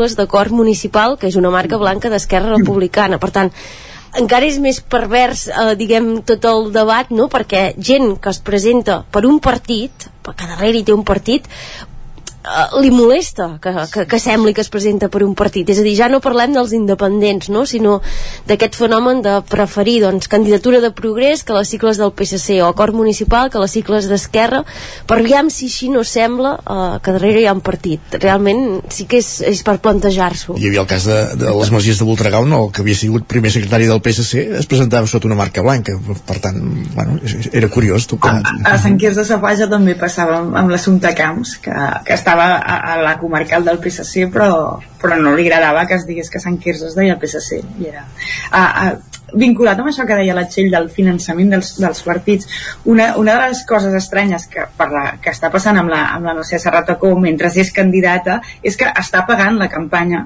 de l'any passat. Sigui, el, el darrer ple quan se li van quan se li va recriminar que, que no trenqués amb el partit si es presentava a, a un altre partit, ella va dir no, no, és que jo no deixaré, de moment no deixaré de ser de Junts per Sant Feliu de Codines perquè segueixo pagant les quotes. I després li van dir no estàs pagant les quotes, sinó que estàs pagant el crèdit que vam demanar fa 4 anys per pagar la campanya que fa que ara siguis alcaldessa. I, i Sant Feliu també té un, té un tema estrany que és que dels 13 regidors que hi ha 11 són de partits independents, només n'hi ha dos de partit. Hi ha el regidor d'Esquerra i la, la regidora del PSC. Els altres són uh, meitat uh, de, de Junts, meitat de Primàries Codines, que és una agrupació d'electors. déu nhi abordat la, la qüestió de, de les eleccions, tenim 8 minuts per una altra qüestió que, que m'agradaria tocar avui també, i és aquest titular que avui encapçala el 9-9 l'edició d'Osona i el Ripollès diu preocupació a Osona per l'augment d'alumnes que arriben a mig curs, allò de la matrícula viva que fins l'any 2008, per entendre'ns, fins a la crisi financera, era tan habitual que durant el curs arribés molta mainada nova a les escoles i que ara sembla que torna a haver-hi un nou fenomen i això, eh, apunta, i això contrasta amb un estudi que apareixia també aquesta, aquests darrers dies del síndic sobre la segregació escolar, Txell. Uh, sí, uh, exacte. Uh, tenim un crit d'alerta, sobretot dels ajuntaments més grans de la comarca. Uh, poso el focus en Manlleu i Torelló, també a Vic, tot i que a Vic potser les dades no s'han disparat tant, però Manlleu i Torelló són dos exemples de ciutats on el primer trimestre d'aquest curs 2022-2023 hi han arribat entre un 20 i un 60% més de nens i nenes que en el mateix trimestre de, del curs passat. Això, evidentment, és moltíssima gent, són molts infants que s'han de col·locar en unes aules que ja estan molt plenes i en uns centres que sovint tenen això, les aules d'acollida o els recursos humans com ara vetlladors, ja al límit de les seves capacitats. Els ajuntaments d'aquests dos municipis estan eh, preocupats. A Manlleu ens deien que la situació comença a ser límit eh, perquè o arriba més finançament i realment es pot dotar de més recursos a les escoles o és que no hi ha capacitat d'absorbir l'alumnat eh, que arriba. Llavors nosaltres els hi preguntàvem, ostres, però què està passant? No? Hi ha una diagnosi de com és que, que de cop i volta es torna a accelerar tant aquest fenomen que semblava que malgrat sempre hi continua sent havia flacat una mica i ens diuen que s'estan trobant això que hi ha força reagrupament familiar postpandèmia, que s'ha tornat a reactivar el fet migratori i que a vegades també no és tant que arribin famílies de països d'origen estranger sinó mateixes famílies que ja fa un temps que viuen a Catalunya malgrat haver vingut d'un altre país i fan mobilitat interna doncs d'una comarca a l'altra o venen cap a Osona procedent de l'àrea metropolitana. Llavors és això eh, aquí a Osona ja sabeu eh, que Osona s'ha distingit per intentar ser una comarca pionera amb, amb la lluita contra la segregació escolar. Al seu moment teníem el model Vic el model Manlleu, no entrarem en el debat de qui va ser, qui va començar la lluita i per tant a qui li correspon l'etiqueta. Però sí que és veritat que la matrícula viva fa que tots aquests plans que sobre paper estan molt ben endreçats de com s'ha de fer el repartiment equitatiu dels nens i nenes, doncs quan et trobes amb un boom d'infants adolescents que arriben a última hora et posen escac a l'hora de poder complir aquests barems que, que, que assegurin una reparti repartició igualitària dels nens amb necessitats educatives especials a tots, a tots els centres. Els ajuntaments són clars, crec que les escoles i instituts també demanen més finançament al Departament d'Educació, que arribin ja no eh, recursos físics sinó recursos humans és a dir, més docents i sobretot també això, més personal que pugui estar al capdavant de les aules d'acollida o fent serveis com el de vetlladors i vetlladores.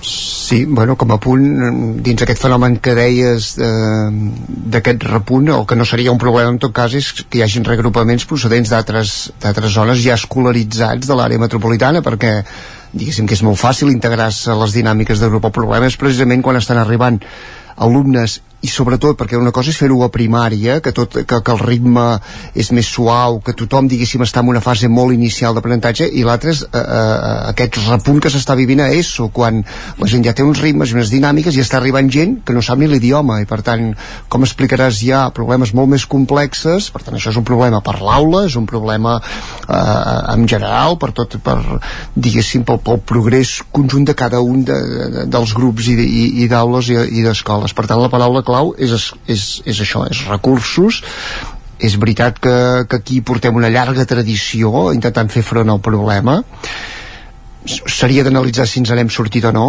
eh? per model B jo diria que Manlleu va començar Vic poder en aquell moment perquè va ser molt diguéssim, eh, es va prendre aquella decisió l'any 97 de fusionar quatre centres en dos, es va ser molt valent però s'hauríem d'analitzar on hem acabat amb els anys, si la mesura va, va servir d'alguna cosa, i, i, i segurament aquest problema de segregació escolar va molt lligat amb un altre, és el, de, eh, el mateixa Uh, mirem com tenim els barris, la segregació de barris, no? perquè a vegades està molt bé de dir uh, famílies que viuen a 100 metres d'una escola, diem, doncs no, ara has de fer cada dia un quilòmetre o dos quilòmetres i mig per portar els... Vull dir que hi ha un problema molt més complex i per tant fins que no es vagi atacant a fons eh, com tenim una ciutat, com, com anem, diguéssim, redistribuint la població de la ciutat per fer-la tota més, més igualitària, serà molt difícil també a, a, aquest, aquest, aquest moviment d'alumnes amunt i avall dels centres. És un problema molt complex i, i de forma immediata s'hauria de resoldre en tema de recursos docents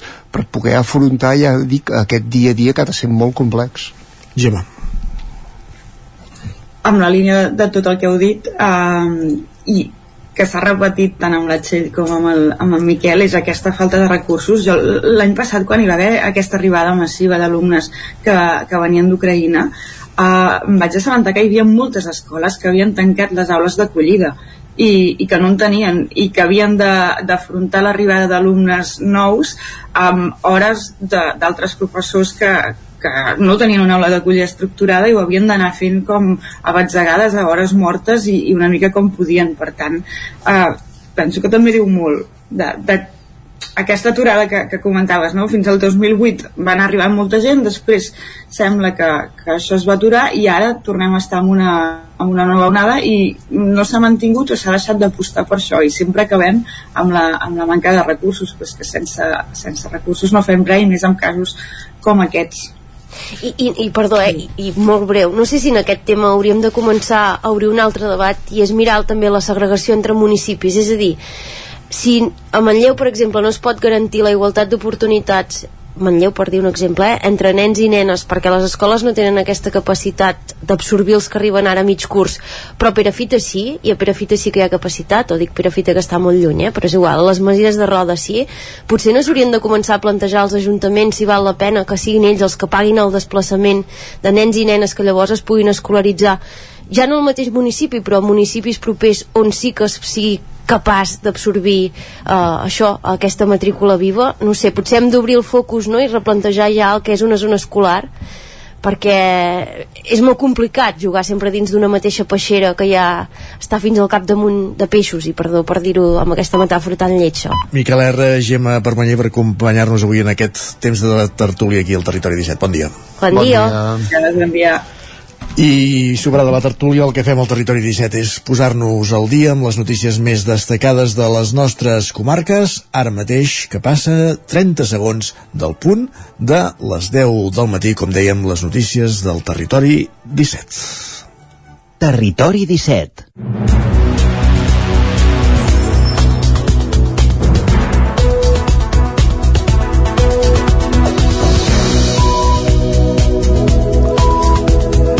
Impulsen una campanya a Change.org per evitar que el Departament d'Educació elimini dos cicles formatius de cuina i forneria que s'imparteixen a l'Institut de Ripoll. Isaac Muntades, la veu de Sant Joan. Males notícies per l'Institut Abat Oliva de Ripoll, ja que el passat mes de novembre se'ls va comunicar la decisió del Departament d'Educació d'eliminar a partir de l'any vinent els dos cicles formatius de grau mitjà de cuina i forneria que s'imparteixen al centre des de fa gairebé 20 anys. Per evitar el tancament ja s'ha engegat una campanya a Change.org que ja acumula més d'un miler de signatures. En un primer moment, Educació va dir que es tractava d'un problema econòmic, però quan es va trobar el finançament necessari per mantenir-los, el departament va alegar que l'eliminació dels cicles es devia a la baixa matrícula d'alumnes del curs 2022-2023 i que en el mateix servei territorial del centre ja n'hi ha un altre que ofereix els mateixos estudis, que és l'Institut Escola d'Hostaleria i Turisme de Girona, situat a 83 quilòmetres de la capital del Ripollès. El director del centre, Joan Maria Roig, va dir que es tractava d'una molt mala notícia. No pensem tant com a centre educatiu com a institut, sinó que ho pensem des del punt de vista de la comarca. Nosaltres creiem que som una comarca no? amb unes característiques polítiques especials que també fa no, que si creiem en el reequilibri territorial, doncs els aspectes educatius i el manteniment dels cicles és un tema fonamental. I a part que aquest cicle no, també dona sortida o formació a un, a un dels sectors claus de la comarca, que és el sector de l'hostaleria i el sector de la restauració. Per tant, creiem que perdre aquest cicle no és dolent per l'institut, sinó que és dolent per la comarca. I per tant, els diferents actors de la comarca no, creiem que és important no, que prenguem consciència del que significa aquesta pèrdua i valorem quines són les accions que hem de portar a terme. Actualment hi ha 21 alumnes en aquests dos cicles formatius, 8 a primer, 10 a segon i 3 a tercer. Cada grup hauria de ser d'una vintena d'alumnes com apuntava Roig, per tant tenen una ocupació d'un 33%. L'Associació d'Hostaleria, l'Agència de Desenvolupament del Ripollès i el Consell Comarcal ja s'han reunit amb el departament per traslladar-los que no s'han d'eliminar els cicles i estan a l'espera de la seva decisió. En tot cas, els alumnes que hagin començat a estudiar-lo a Ripoll podran acabar-lo aquí, però no s'acceptaran preinscripcions si finalment s'acaba suprimint. Hi ha alguns arguments que grinyolen per sostenir el tancament, ja que la falta d'alumnes és un mal que s'ha donat a totes les escoles que imparteixen estudis estudis d'hostaleria i turisme, fins i tot aquelles que tradicionalment han tingut molts alumnes. Aquests cicles també ofereixen feina immediata, fins i tot abans d'acabar-los, perquè per culpa de la pandèmia el sector va quedar molt tocat i d'una alta matrícula es va passar a tenir-la molt baixa per la fuga cap a altres sectors. També cal destacar que molts alumnes no es poden permetre estudiar a Girona per motius econòmics, però també perquè les comunicacions i els transports no ho fan viable i acabaran estudiant altres cicles, tot i que la zona és eminentment turística tot l'any i es necessiten professionals d'aquests perfils. Gràcies, Isaac. Anem cap al Vallès Oriental perquè la unitat de dermatologia de l'Hospital de Granollers alerta de l'augment de casos de tinya pels pentinats amb rasurats. Pol Grau, Ràdio Televisió, Cardedeu. Un estudi liderat pel Servei de Dermatologia de l'Hospital de Granollers ha alertat d'un possible repunt de casos de tinya vinculat a talls de cabell amb degradats i rasurats, especialment de moda entre els joves. Una moda que els fa acudir més sovint a la perruqueria. Arran de la detecció d'aquests casos, l'Acadèmia Espanyola de Dermatologia alertava ahir sobre l'expansió del fong en qüestió a les perruqueries de l'Estat. Leonardo Bascón, metge del Servei de Dermatologia de l'Hospital de Granollers i un dels autors de l'estudi, explica que feia temps que veien casos de tinya en persones que s'han tret el cabell amb màquina rasuradora elèctrica a una perruqueria. Els pacients que formen part de l'estudi havien passat per una perruqueria dues setmanes abans i, per tant, la hipòtesi de l'estudi és que les màquines o les tovalloles no s'hagin esterilitzat adequadament i l'utensili estigui contaminat. La tinya és un fong que provoca una infecció al cuir cabellut que es manifesta en forma d'irritacions cutànies i d'escamacions, si no es tracta a temps, febre i fins i tot clapes.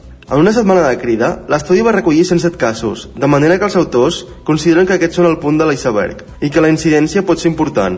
Les federacions de professionals de la imatge de l'Estat han respost amb un comunicat que reclamen cautela i prudència a l'hora de valorar les dades de l'estudi, que ha detectat un número limitat de casos. A més, qüestionen que es pugui parlar d'un brot que s'estigui produint de manera generalitzada. Quan s'han detectat 107 casos en un període que hi ha hagut un mínim de 270 milions de serveis de perruqueria. Gràcies, Pol. Realment feia temps que no sentíem parlar de, de la tinya. Més qüestions. L'Ajuntament de Torelló ha començat el 2023 amb els pressupostos prorrogats. L'equip de govern continua buscant un acord amb alguna de les formacions de l'oposició, Sergi Vives. L'equip de govern Esquerra Junts per Torelló, que està en minoria, continua treballant per arribar a un acord amb alguna de les tres formacions que estan a l'oposició, fins i tot amb Junts per Catalunya, que en cap moment del mandat ha estat un soci preferent. El primer any dels republicans van trobar el suport de la CUP per tirar endavant els comptes. El segon ho van fer de la mà del PSC i el 2022 de nou amb els cupaires. La situació actual s'allarga des de l'octubre, quan l'oposició ja va tombar la proposta d'ordenances. CUP, Junts i PSC van argumentar el vot pel fet que no se'ls havia convocat per fer propostes. Ara hi ha més reunions agendades, però l'alcalde Marcel Ortuño és conscient que en el marc de la negociació hi ha l'horitzó de les eleccions municipals de maig. Estem any, amb any electoral i que cadascú doncs, eh, prima uns interessos que a l'hora de portar un pressupost que el que hagi de, de suposar és poder actuar el més ràpid a Torelló, no perdre temps i poder fer doncs, ja les actuacions en les que segur que estem tots d'acord el més aviat possible. Això s'ho va endarrerint doncs, per aquesta eh, negociació política que això no podem oblidar que estem en any doncs, eh, electoral. Ortuño no s'amaga que estan buscant l'acord de totes bandes i que en la primera formació que encaixi tot serà amb la que esperin aprovar els pressupostos. L'ATFO, l'Associació per la Diversitat Funcional d'Osona, ha creat un nou espai dedicat a l'atenció de la salut holística integral de les persones amb diversitat funcional. Aquest s'anomena Espai Àlima i de moment comptarà amb els serveis de fisioteràpia, psicologia i teràpia ocupacional. L'ATFO fa més de 40 anys que treballa amb persones amb diversitat funcional. Sempre ho ha fet des d'una ajuda assistencial com la inserció al món laboral, social o d'habitatge. Ara, amb la demanda i la necessitat per part dels usuaris de poder fer una atenció més terapèutica o de salut, han creat un espai dedicat a l'atenció de la salut holística anomenat Espai Àlima. Ho explica la gerent i coordinadora de l'entitat, Maria Balasc. I va ser quan vam dir, doncs, comencem, comencem aquest projecte, el comencem ara amb el servei de psicologia, de terapeuta ocupacional i de fisioterapeuta, però la nostra idea és que a la llarga això es vagi ampliant amb altres, amb altres serveis Aquests serveis van dirigits a les persones amb diversitat funcional, ja que, segons l'entitat, és un dels col·lectius que més ho necessiten. Per això tindran un preu bonificat en aquests serveis, en els quals també hi entrarien les persones de la unitat de convivència o els cuidadors i cuidadores. En aquests casos, una sessió de fisioteràpia o de teràpia ocupacional costaria uns 25 euros i la de psicologia tindria un cost d'uns 30 euros. Balàs, que ha assegurat que ningú es quedarà sense servei en cas que no es pogués pagar aquesta tarifa. En el cas de que algú, pel que sigui, no pugui fer-se càrrec de la tarifa que nosaltres posem ningú es quedarà sense, sense servei sinó que com fem també amb els altres serveis ho becarem d'alguna manera el nom i la imatge de l'espai Alima neix a través d'una col·laboració amb els alumnes del tercer dels Estudis Superiors de Disseny i d'Arts Plàstiques de Vic.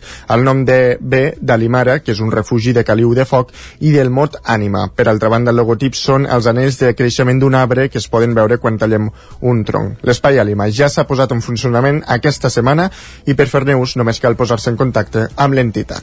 L'Ajuntament de Vic, a través de la cooperació al desenvolupament, ha finançat gran part d'un projecte que l'associació Cacolum ha portat portat a terme aquests darrers mesos a la zona on treballa el Casamans, al sud del Senegal. L'associació Cacolum ha fet quatre tallers amb agents de la policia regional i nacional i personal de seguretat privada a la regió de Zinguinchor, a la, casa, a la a Casamans del sud del Senegal.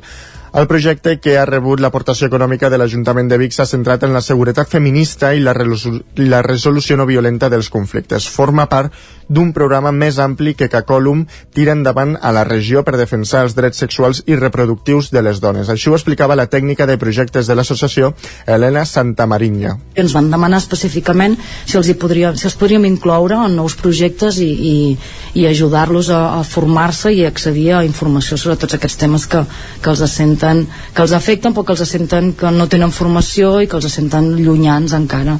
Bueno, els hem ajudat a anar identificant com a vegades doncs, eh, tenen certes actituds violentes sense ser conscients realment que estan exercint una violència. Els tallers han tractat aspectes com les violències masclistes, els conceptes de gènere i de patriarcat o les noves masculinitats. A banda del treball amb els cossos de seguretat, el projecte també ha inclòs grups de discussió amb joves sobre la resolució de conflictes de manera no violenta. Per Cacolum és clau que les cares visibles de l'entitat sobre el terreny siguin persones locals. La tasca dels cooperants com Helena Santamarinya, que viu a cavall entre Osona i la Casa Mans, s'ha centrat sobretot en aconseguir recursos perquè a vegades eh, des d'aquí tenim molt la mentalitat de que hem d'anar allà a ajudar-los i en realitat nosaltres el que des d'aquí eh, podem aportar són aquests recursos econòmics que aquí tenim i que allà els hi falten però allà hi ha molta gent ja formada i que té molt clar que cal canviar. El que els hi falta és ajuda sobretot econòmica per poder fer aquests canvis dels 9.400 euros del cost del projecte de seguretat feminista i construcció de pau de Cacolum, l'Ajuntament de Vic n'ha finançat 7.000. Gràcies, Sergi. Més qüestions. Mollà enceta la festa major d'hivern amb el ball dels Garrofins i el Pollo. Roger Rams, zona Codinenca. Sí, ahir dijous els més petits del poble, nens i nenes d'entre 6 i 12 anys, ja van prendre els carrers eh, de Mollà per la vigília de Sant Sebastià i poder fer el ball dels garrofins, una cosa força tradicional. Avui tornaran a fer la dansa pels carrers del poble, això sí, acompanyats del Pollo, un curiós personatge que fa la guitza a tota la gent que s'acosta a veure els nens ballar. Ramon Tarter, tècnic de cultura de Mollà, ens dona més detalls d'aquesta festa. Una d'aquestes doncs, és el ball aquest de, de Garrofins, que es fa la vigília de Sant Sebastià al vespre, el dia 19, es balla a les places, és una reminiscència doncs, de que antigament era la forma que tenien doncs, de denunciar la festa no? anaven per, per les places eh, principals del, del poble i s'executava aquest ball doncs, com a anunci de la festa els actes continuaran amb l'ofici solemne i l'altre gran dia d'aquesta festa major d'hivern serà diumenge amb la mostra de danses tradicionals de Sant Sebastià on el Ball del Siri i el Ball de Gitanes en seran els protagonistes. El, el Ball del Siri, uh -huh. eh, aquest ball servia antigament doncs, per solemnitzar doncs, el canvi dels administradors de la confraria de Sant Sebastià. Uh, o sigui, és una dansa d'aquestes de caire tradicional en què s'intercanvien doncs, els administradors antics i els administradors nous, s'intercanvien doncs, el ciri i l'almorratge, que són els elements que caracteritzen, bueno, els que simbolitzen l'administració. La, la, El cap de setmana vinent continuarà la festa major d'hivern amb els tradicionals tres toms pels carrers de la capital moianesa. Gràcies, Roger, amb aquesta informació que veiem, aquest repàs informatiu que començàvem al punt de les 10 en companyia de Sergi Vives, Roger Rams, Isaac Muntades i Pol Grau. Un moment al territori 17, de saludar de nou en Pep Acosta perquè volem saber per què haurem de patir el cap de setmana. Quines temperatures tindrem?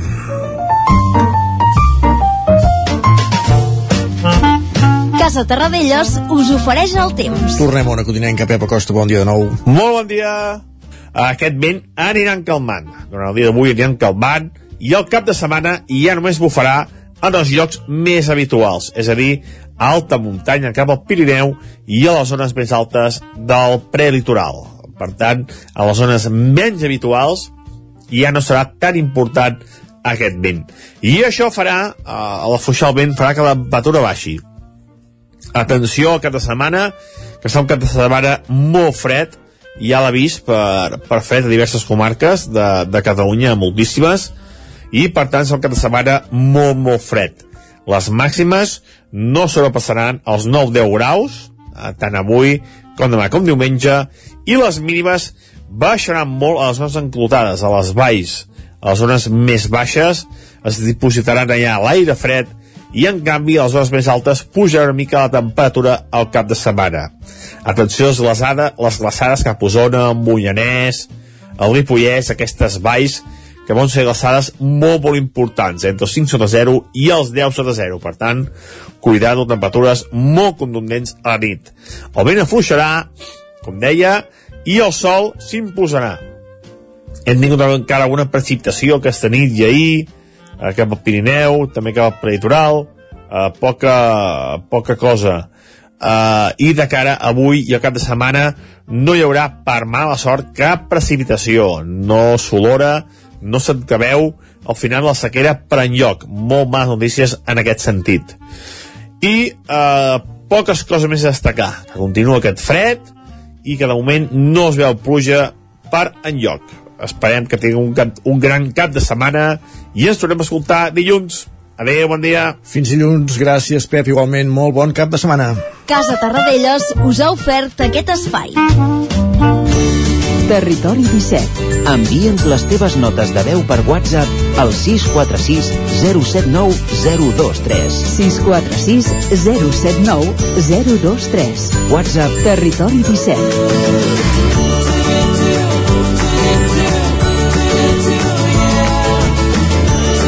Territori 17. Som a Facebook, Twitter i Instagram amb l'usuari Territori 17.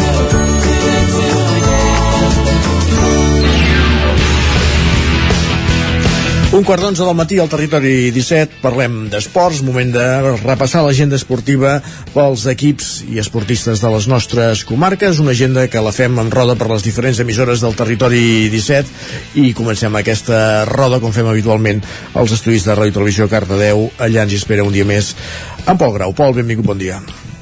Bon dia. Com tenim l'agenda?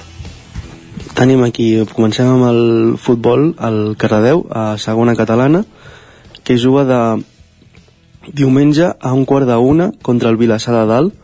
A priori partit assequible, ja que el Vilassar de Dalt va a cuer amb 7 punts i el Cardedeu a tercer amb 22. Veurem si, si guanyen. Eh, el filial, a tercera catalana, juga demà dissabte contra el Vallès a les 6 de la tarda.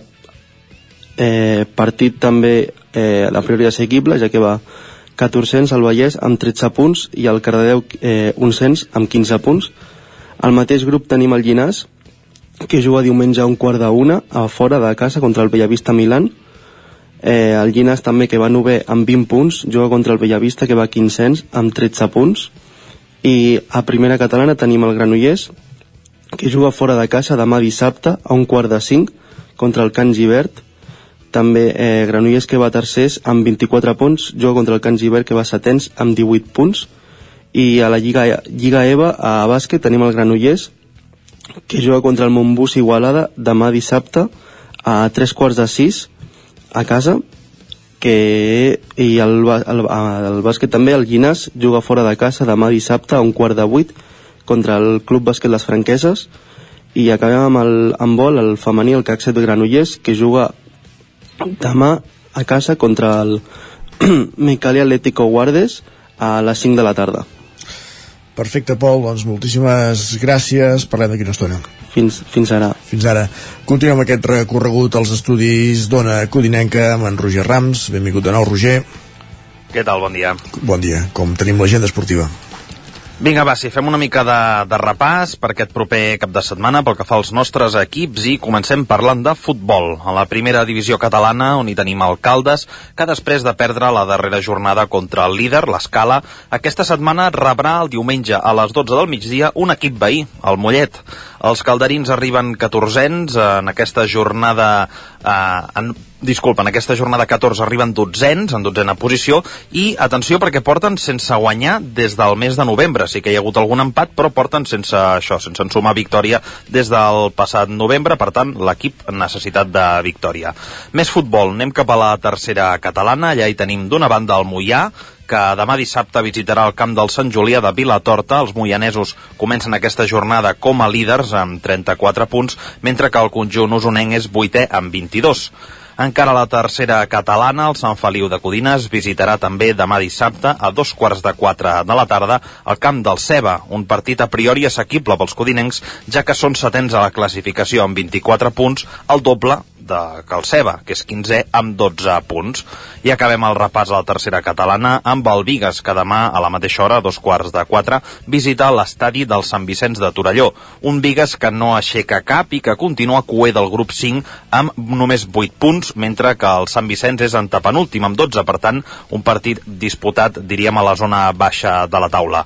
Passem ara a l'hoquei i ho fem parlant del primer equip masculí d'alcaldes, que demà dissabte rebrà el pavelló de la Torre Roja a l'Igualada en un partit en què el conjunt calderí intentarà disculpa, capgirar la mala ratxa de resultats que acumulen aquesta competició, la Hockey Lliga, on no hi guanya més enllà de l'empat de fa tres setmanes amb el Barça, des de també el 26 de novembre. Per tant, eh, un altre equip calderí necessitat de victòria. Serà una jornada important pel conjunt entrenat per Eduard Candami.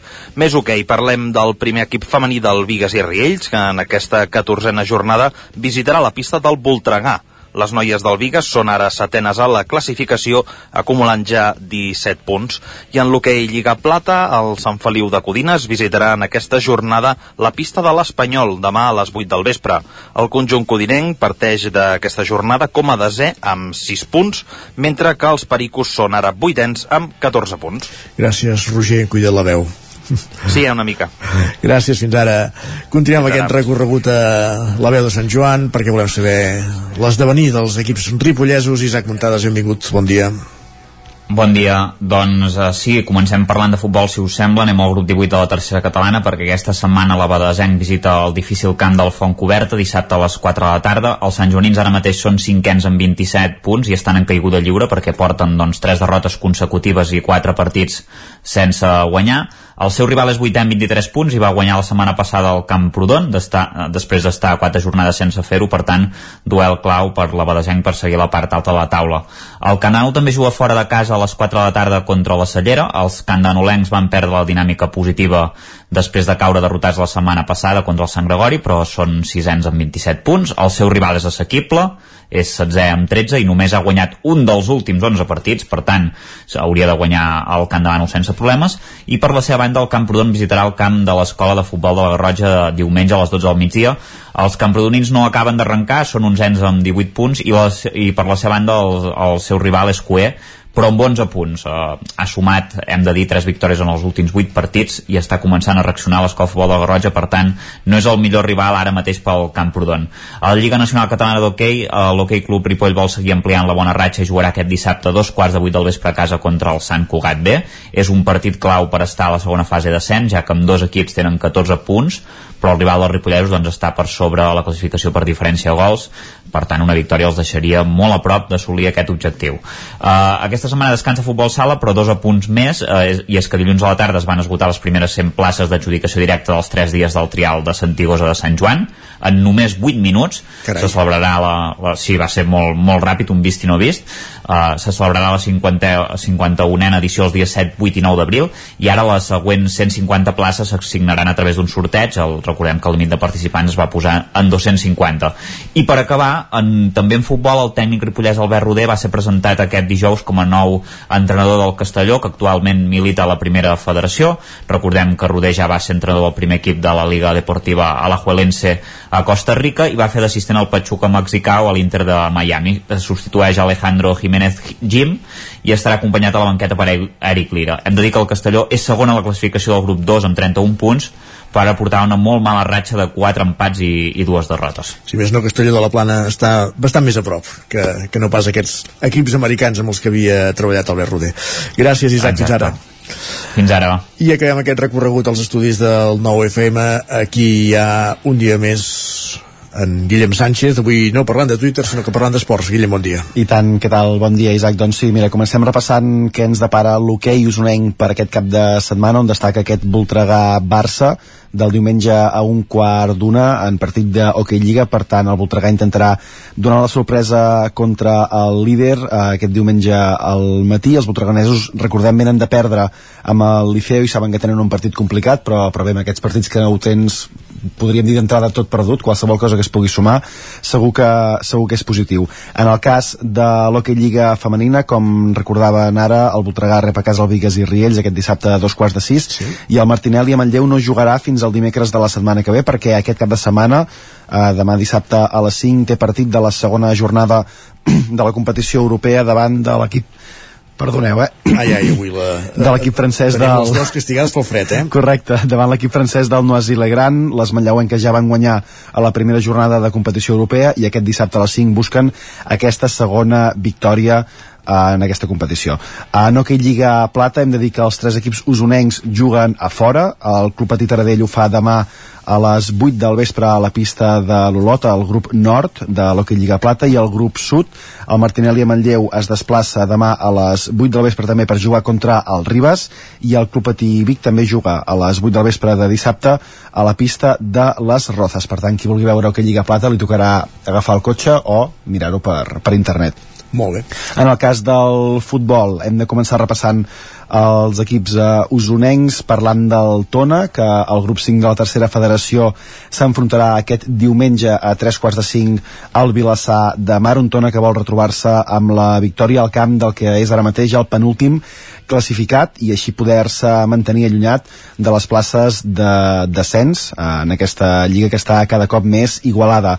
Al grup 1 de la primera catalana de futbol tindrem dos partits d'equips usonencs a casa, serà els que jugaran al Vic demà a les 4 de la tarda contra el Lloret, un dels equips de la, de la part alta. De fet, el Lloret té dos punts més que, que el Vic, per tant, una victòria dels de la capital permetria doncs, que els poguessin avançar a la classificació i el Manlleu jugarà diumenge a dos quarts de cinc contra l'Escola Futbol Mataró, un partit important també per mantenir-se allunyat de les zones de la zona de descens. En canvi, el Torelló s'haurà de desplaçar demà a les 4 de la tarda al camp del Bescanó per jugar el partit corresponent a aquesta jornada. I en el cas de la primera divisió nacional femenina, el grup 3, el Vic Riu primer, té partit també demà, demà, perdó, el diumenge a dos quarts de cinc al camp del Cornellà i si tenim temps podem fer també un Tenim un parell minut de, i 10 segons. de punts més doncs va, el Club Bàsquet Vic Universitat de Vic es vol mantenir líder d'aquest grup seu de la Lliga EVA i per això haurà de guanyar demà a les 6 de la tarda a la pista del Martorell. Recordem això, eh, que els biquetans estan fent una temporada espectacular i volen mantenir-se en aquesta primera posició en aquest grup seu de la Lliga. EVA per tant, demà a les 6 tot el suport des d'aquí perquè puguin guanyar a la pista del Martorell. I també qui no vulgui veure hoquei, no vulgui veure bàsquet o no vulgui veure futbol, té cita aquest diumenge a partir de les 11 del matí a la Torre d'Oristà perquè s'hi disputen les dues hores de resistència eh, allà a la Torre d'Oristà en categories júnior, sènior, màster 40, pilot sol, mix i també una curiosa categoria pare i fill. Per tant, Estem parlant de, de motor, eh? De De, motor. de motocross, per entendre'ns, eh? Correcte, sí, de motor, per tant, també hi ha cita a la Torre d'Oristà aquest cap de setmana, diumenge, a partir de les, de les 11. Perfecte, doncs moltíssimes gràcies Guillem, una agenda esportiva repassada i nosaltres el que fem és anar cap a una pausa publicitària i clàssics musicals. Bon dia Guillem, bon cap de setmana. Que vagi molt bé. Com dèiem, clàssics musicals d'aquí 3 minuts amb Jaume Espuny, avui Leonard Cohen. Fins ara mateix. El nou FM, el nou FM. Has esperat que arribi el fred per comprovar si et funciona bé la caldera? No pateixis, a Casa Jové som especialistes en manteniment, reparació i revisió d'equips d'aigua calenta i calefacció, tant en l'ambient domèstic com industrial. Si tens una avaria, no ho dubtis. Som Casa Jové. Ens trobaràs al carrer Girona, número 9 de Vic, i al telèfon 93 886 1596. Casa Jové, el teu servei tècnic de confiança. Bon dia, us truco del servei tècnic oficial de Bailand. Hem detectat que la pressió de la seva caldera està baixant. No me n'havia adonat. Com es pot solucionar? Ho resoldrem en uns minuts. No espereu més. Amb el servei de manteniment ServiPlus Connect de Bailand, preocupeu-vos del que realment importa. Nosaltres ens encarreguem de la vostra caldera. Informeu-vos a connectivitat.bailand.es. Al forn de pa i pastisseria Glina hi trobareu una gran varietat de pans de producció pròpia amb farina de blat i de molts altres tipus, tots elaborats al nostre obrador. També us oferim tortells, braços de gitano, coques, brioixeria i pastes seques i pastissos personalitzats. I ara també ens trobareu al Mercat Municipal de Torelló. Forn de pa i pastisseria Glina, carrer Major número 9 de Sant Vicenç de Torelló i Mercat Municipal de Torelló. Bon dia, són les 9 al Territori 17. La Miquel Parella, Cada, cada matí i durant dues hores t'acompanyem i et posem al dia de l'actualitat de casa nostra. Potenciant així l'autonomia En aquest cas me la té saltaler si no... Cursos per feminitzar el pensament masculí.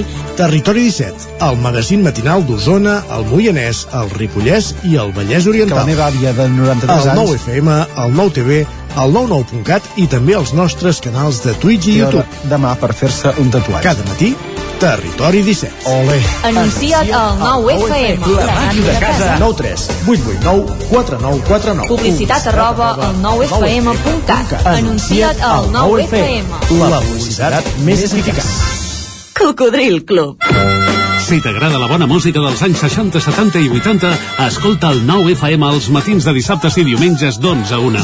És el temps del Cocodril Club, tot un clàssic de la ràdio, amb les bases del pop-rock, les llegendes, les cançons que s'han convertit en autèntics himnes. Recorda, dissabtes i diumenges al matí, d'11 a 1, al 9 FM 92.8. Cocodril Club, el programa revival de l'Albert Malla.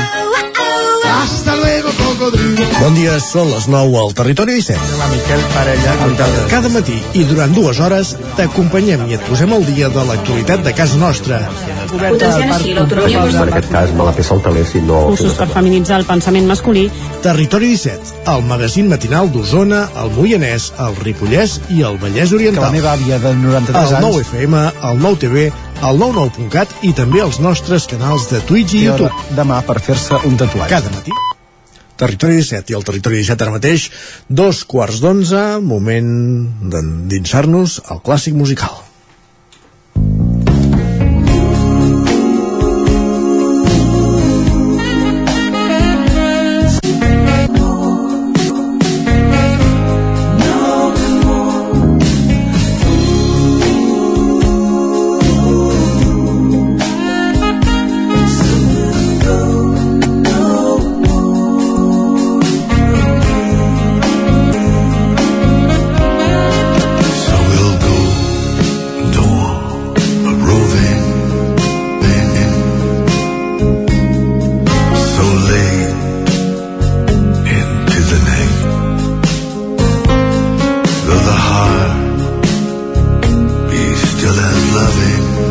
I al Territori 17, com fem cada divendres a aquesta hora, ens dediquem a escoltar música, el clàssic musical que ens porta cada setmana en Jaume Espuny. Aquí li donem la benvinguda. Jaume, bon dia. Bon dia, doncs avui m'ha vingut de gust, amb aquest fred, no sé per què, en Leonard Cohen. Molt bé. I si parlem de Leonard Cohen, bueno, famosíssim, eh, sempre ens ve a la memòria cançons com Suzanne, Solong Marian, The Partisan, Chelsea Hotel, Aleluia, eh, Aleluia és una mena d'imagine que sempre serveix per cantar en tot arreu, eh, casaments, enterraments, etc. I sempre amb la seva guitarra acústica. Eh, per això és dels anys 60, 70, 80. Però al segle XXI, eh, Leonard Cohen va gravar molts discos també eh, com aquest que estem escoltant ara del 2004 que es diu Der Hatter estimada Hatter eh, no hi ha guitarra quasi bé aquí pràcticament no n'hi ha el, però el que sí que és molt protagonisme són la, Les veus. té molt les veus de, de les noies molt i ho sentirem ara amb aquesta cançó que es diu Undertown Ressaca que en cat- en català Ressaca que canten les noies, o, o una noia, no sé, són dues, després en parlaré d'elles, i, i aquí ell, a mitja cançó, fa els cors només. Escoltem-la. Though the heart be still as loving. Aquesta és la que, hem- amb la que hem començat, que no és la, la que has presentat, eh? Exactament. Com es, com es deia aquesta, per cert? Uh, la primera? Sí. Uh, bo, hosti, go no more a robbing, que no sé què vol dir.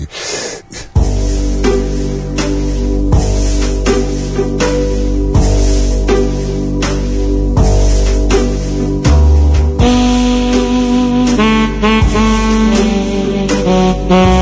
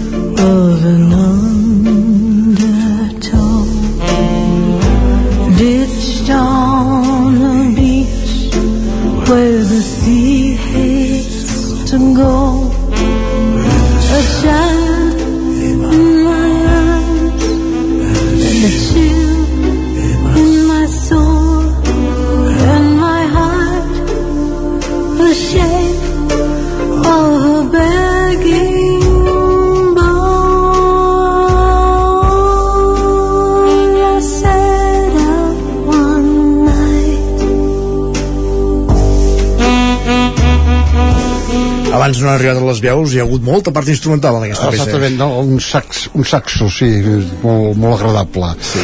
I, i, I el Leonard Cohen xiuxeu- xiuxeuja xiuxeueja, xiuxeueja eh, el fons de tot. Eh, al segle XXI, Leonard Cohen va gravar mm, una desena de discos ben bé, fins a la seva mort, el novembre del 2016, ja fa uf, sis anys. Eh, la veu greu, una mica cascada ja, i més que cantar gairebé diríem que recita.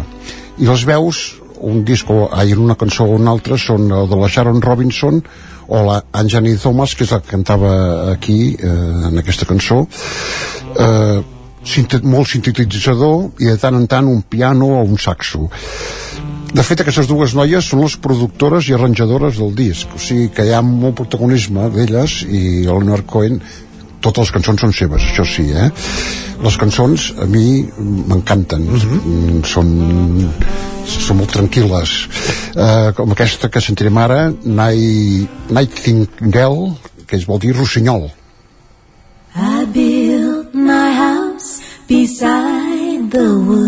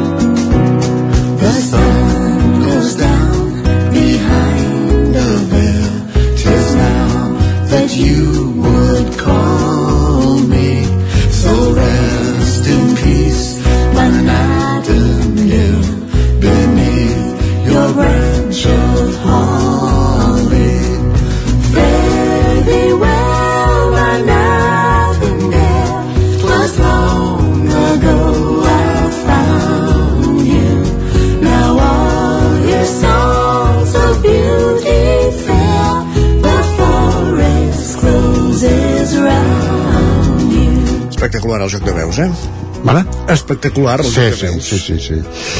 Aquí tenia 70 anys, eh, Leonard Cohen, les cançons gairebé totes, com sempre, són d'amor, d'amor, però d'amors, jo diria en aquest cas ja d'amors passats. I em sembla que la principal afició de, de, de Leonard Cohen eren les dones. Sí. Eh, S'enamorava molt fàcilment, es veu. Mm, el temps que va acabar aquest Amb disc aquesta veu, veu persuasiva. Eh? Exactament, sí, sí. Uh, continua, tenia 70 anys però continuava fent concerts força sovint i estava en plena forma tot i que el conjunt del disc dona una mica de sensació de comiat no? una sí. mica de...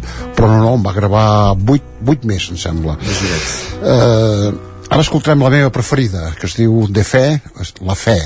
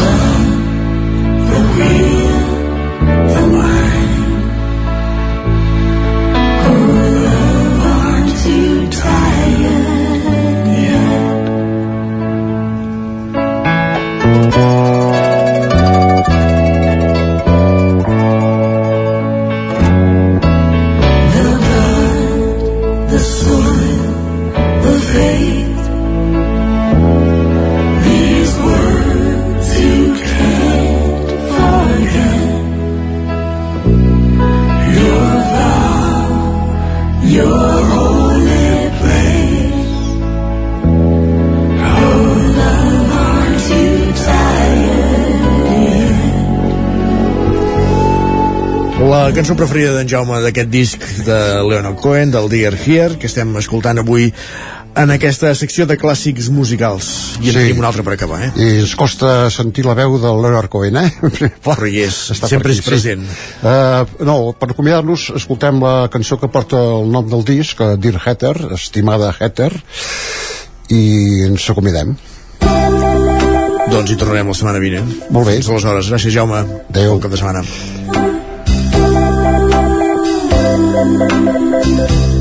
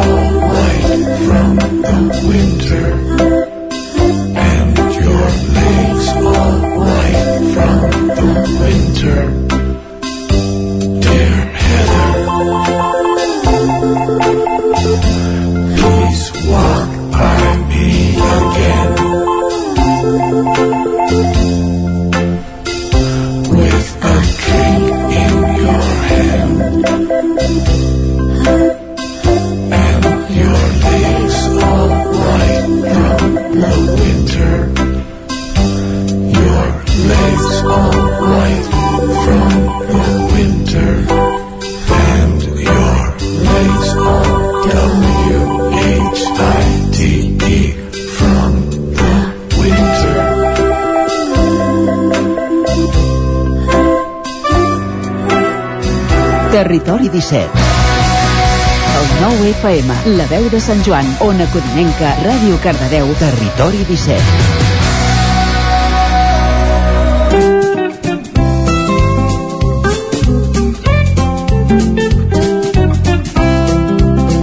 Dos minuts i seran tres quarts d'onze del matí. Avancem al territori 17 i a la recta final del programa, els divendres, el, la dediquem a l'agenda. A conèixer quins són els actes més destacats dels propers dies, del cap de setmana principalment, a l'entorn de les emissores del territori 17. Comencem aquest recorregut als estudis de Ràdio Televisió Cardedeu, on de nou hi teniu en Pol Grau. Pol, benvingut. Bon dia de nou. Fem un repàs a l'agenda. Doncs comencem amb el que, amb, que vam parlar amb la Núria Pujolàs, que tenim dissabte al matí la inauguració de la Textil Race, on podreu, si aneu a veure, podreu visitar les, les instal·lacions amb una visita guiada i tindrem una intervenció, intervenció artística d'en Quim Moya i acabat tindrem un pisco labis a càrrec del Viver del Belloc. Uh, avui divendres a les 5 de la tarda tenim un nou La plaça dels Contes, on podrem anar escoltar organitzada per l'Associació Cardamots a la llibre, i la llibreria Espai 31.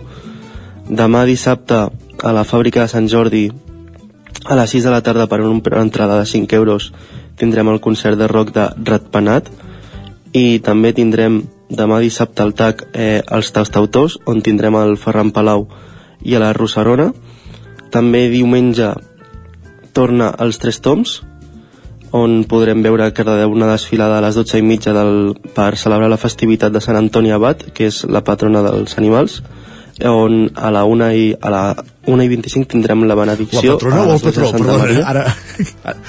Sant Antoni Abat, el patró dels animals, en tot cas. Això, D'acord. Eh, I per acabar tindrem el Verdi d'aquí a Cardedeu, tindrem la pel·lícula d'Argentina 1985 i pels més menuts, diumenge a les 5 tindrem la pel·lícula de Kung Fu, una aventura deliciosa, una pel·lícula d'animació. I ja està. Molt bé, Pol. Tin... Doncs... Doncs que vagi bé el cap de setmana. Ah, i recorda dissabte a les 10 tenim la, semif la final del càsting d'OP a les vostres televisions locals per saber quins, quins 10 concursants entraran. Perfecte, Pol. Doncs moltíssimes gràcies i bon cap de setmana i t'acomidem amb això que ens deies, amb aquesta proposta dels tastautors, amb la música de Ferran Palau. Bon cap de setmana. Bon cap de setmana. Adéu. I nosaltres que continuem aquest recorregut anem cap a una codinenca, allà hi tenim en Roger Rams. Roger, l'agenda pel cap de setmana. I ara ja tornem una mica amb la veu més aclarida, eh? Diguem, Molt bé, així m'agrada. Esperem, esperem no tenir massa incidències. Vinga, va, pel que fa a l'agenda cultural d'aquest cap de setmana, la tenim força farcida d'actes, festes i celebracions, ja que és un cap de setmana on hi tenim eh, festes majors d'hivern, festes de Sant Antoni, de Sant Sebastià, de Sant Vicenç, però bé, anem a pams i comencem parlant de Sant Feliu de Codines, perquè demà dissabte el Centre Cívic La Fonteta acollirà la presentació dels actes del centenari del Club de Futbol de Sant Feliu, que serà a dos quarts de vuit del vespre, i s'hi presentarà en públic la nova samarreta, hi haurà una taula rodona amb veterans il·lustres i es presentaran també diverses novetats relacionades amb les instal·lacions d'aquest club de futbol. Anem ara cap a Caldes de Montbui perquè diumenge és festa grossa al poble ja que s'hi celebra la festa de Sant Antoni Abat, enguany especialment motivada eh, per la capitalitat catalana d'aquesta festa que ostenta Caldes. S'hi faran els tres toms pel carrers de la vila, la benedicció dels carros, dels animals i de la maquinària agrícola i a la tarda serà el torn del clàssic Ball de Plaça. També diumenge és dia gros a Riells del Fai, ja que s'hi celebra la festa de Sant Vicenç, patró del poble, i hi haurà activitats diverses, des d'una caminada pels entorns del municipi, un vermut popular amb música, a la tarda també hi haurà un show de màgia i xocolatada, que això amb aquest fred sempre també va bé, i tot plegat es rematarà al vespre amb la sardinada popular, un acte també molt, molt típic de Riells del Fai i anem ara cap al Moianès perquè aquest cap de setmana és festa major d'hivern a la capital, a Moià, amb una agenda tapaïda d'actes i celebracions al llarg de tots dos dies. De fet, ahir dijous ja van començar alguns actes, com hem apuntat abans. Avui divendres és festiu a Moià, per tant, eh, també hi ha actes per triar i remenar. També tindrem l'ofici solemne, el Ball dels Garrofins, el Ball de Gitanes, en fi, un, eh, un seguici d'activitats culturals. I a Castellterçol també hi ha festa demà dissabte en motiu de Sant Fruitós. Aquí hi haurà un esmorzar popular amb torrades, cansalada i vi de porró, una missa solemne en honor a Sant Fruitós, entre d'altres, així que, com eh, podem veure, propostes no ens en falten. Per donar, vendre i regalar. Gràcies. Bon cap de setmana, Roger. Exacte, bon cap de setmana. I d'una codinenca anem cap al Ripollès, cap a la veu de Sant Joan, allà hi ha l'Isaac Muntades. Bon dia, Isaac. Bon dia. Doncs mireu, aquest eh, cap de setmana aquí al Ripollès tenim algunes activitats, no masses, no n'hi no ha d'excessives. Per exemple, aquest divendres aquí a Sant Joan de les Abadeses es presenta la comunitat energètica Sant Joanina, en què es parlarà de transició energètica i clima, i hi haurà el famós meteoròleg i presentador de Televisió de Catalunya, Francesc Mauri, que potser doncs, és un dels grans atractius. A més, també es presentaran els projectes de la primera comunitat energètica de, del municipi. Això serà a les 7 del vespre a la sala de plens de, de l'Ajuntament. També hi haurà la conversa Llegim en Valors, que es farà a les 6 de la tarda a la Biblioteca Josep Picola de Sant Joan, protagonitzada per Albert Forns, que va estar guardonat amb el Premi BBVA Sant Joan 2020. Estarà acompanyat de la psicòloga Anna Ximenos. Uh, Nana Ripoll, dissabte a les 11 del matí a la, a la llibreria de la Lluerna hi haurà un taller d'enquadernació de, i autoedició i pel que fa una mica a festes populars també aquest dissabte se celebra la festa de Sant Sebastià a Molló. A les 6 de la tarda començarà doncs, amb una missa i un cant dels goig de Sant Sebastià a la capella del Sant i seguidament doncs, hi haurà un concert a càrrec de la coral de Camprodon. A les 9 del vespre es farà a la sala de, de ball al sopar popular amb Escudella d'Olla i també hi haurà ball de nit amb David de Vic. I uh, dos coses per acabar. Aquest dissabte a les 10 del vespre el Cercle Can Davanolenc de Can Davano acollirà un concert d'Enriquez que hem de dir que va quedar tercer classificat al concurs de música de, del Corral que es va celebrar doncs, a, el mes de setembre de, de l'any passat, a la primera edició. Eh, costarà 12 euros pels socis i 14 pels no socis, l'entrada. I a Camprodon aquest dissabte s'inaugura també una nova exposició a Cal Marquès de Josep Bartolí que són dibuixos de guerra i exili i això serà a les 5 de la tarda i a més a més comptarà amb la presència del seu autor Perfecte, Isaac, doncs moltíssimes gràcies i també bon cap de setmana. Bon cap de setmana. Fins dilluns. I acabem aquest recorregut als estudis del 9FM. Aquí tenim eh, per ara en Miquel R. Entenem que s'incorporaran Jordi Lordan en alguns mm, minuts. Correcte.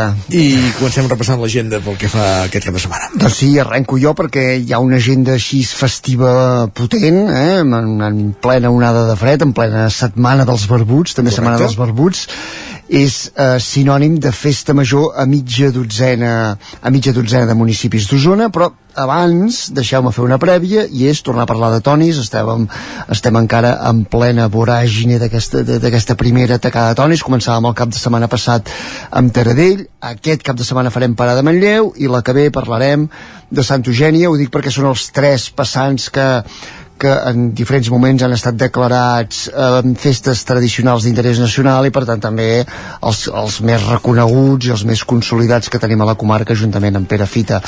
Manlleu, quan serà el passant? Doncs diumenge, un clàssic al migdia, eh, després de la missa clàssica de 11 hi haurà la sortida del passant i eh, en el cas de Manlleu hi ha un colofó també emblemàtic que és a la una del migdia a la plaça Fra Bernadí la ballada del Ciri en aquest cas la, les festes dels Tonis de Manlleu arriben amb una prèvia, amb una novetat, que és la Fireta de Sant Antoni, això serà dissabte, el dia abans, eh, eh, es tracta de tota una matinal a la mateixa plaça Fra Bernadí, què hi haurà tallers, passejades amb, amb poni, la possibilitat de, també de, de donar una volta amb carro, una mica amb aquesta voluntat també d'anar rejuvenint i buscant nous públics o d'anar buscant, diguéssim, una mica de fer pedagogia de la festa en les noves generacions. Recordem que mm, això ja dic que és dissabte al matí la fireta i diumenge el passant i dissabte també hi haurà un altre dels, dels passants de la comarca que és a Centelles. A Centelles també hi haurà des, des de primera hora del matí que es fa la tradicional festa a la capella de Sant Antoni i llavors hi ha la sortida del passant i més o menys a partir de, de les 12 del migdia hi haurà la benedicció de, de carruatges i, i carreters a, a l'altura de la plaça Major el cap de setmana continuem parlant de tonis. De moment el que dèiem, faig aquest parèntesis eh, amb aquestes festes eh, d'hivern eh, vinculades la majoria a aquests sants eh, que conformen els, els barbuts aquesta setmana. Uh, una de les més lluïdes serà de ben segur a Prats uh, on es podrà tornar a ballar a la trenca dansa a la plaça Vella, això serà diumenge al migdia però la festa ja arrenca aquest di aquest divendres amb el pregó de la, de la nostra companya corresponsal del Lluçanès, l'Anna Gorgs. Uh, aquest divendres a les 8 del vespre i durant tot el cap de setmana activitats, ja dic, fins diumenge que es viurà el punt culminant. També tenim eh, res, eh, d'aquí una horeta Vall del Síria a Taradell amb les festes de la festa major dedicada en aquest cas a Sant, eh, a Sant Sebastià. També un cap de setmana molt intens a, a Taradell. Eh, destacaria per exemple diumenge a la tarda una sessió de màgia que hi haurà amb la, amb la maga Game, eh, que és aquesta, de, aquesta jove eh, maga de Taradell mateix, amb, amb tot de companys, en Ramó, l'Aleix Ferrer, en Cristian Cúquer eh, i altres mags que l'acompanyaran en aquesta sessió i ja dic activitats també durant tot el cap de setmana.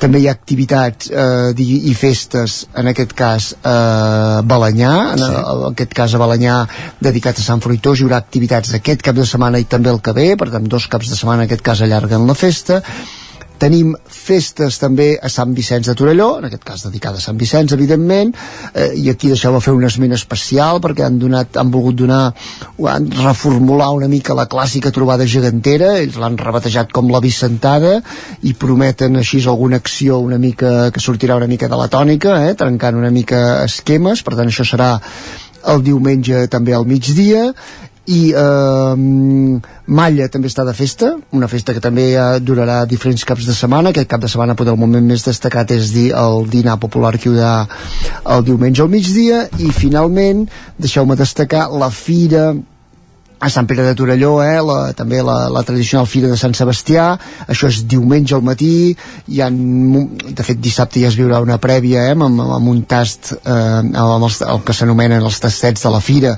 que oferiran restaurants del poble i sobretot diumenge, eh, bàsicament també a l'entorn del Mas, que hi haurà això, activitats per tots els públics i sobretot a partir de les 10 del matí eh, un clàssic a Sant Pere que és la, la, la, la sopa torrada eh, la, la, la, la sopa torrada que es lliurarà gratuïtament als veïns que, que vagin a recollir-la. Perfecte, doncs tot aquest reguitzell de fires, festes a l'entorn de, de Sant Antoni, aquestes festes majors d'hivern. Moltíssimes gràcies Miquel cap de setmana.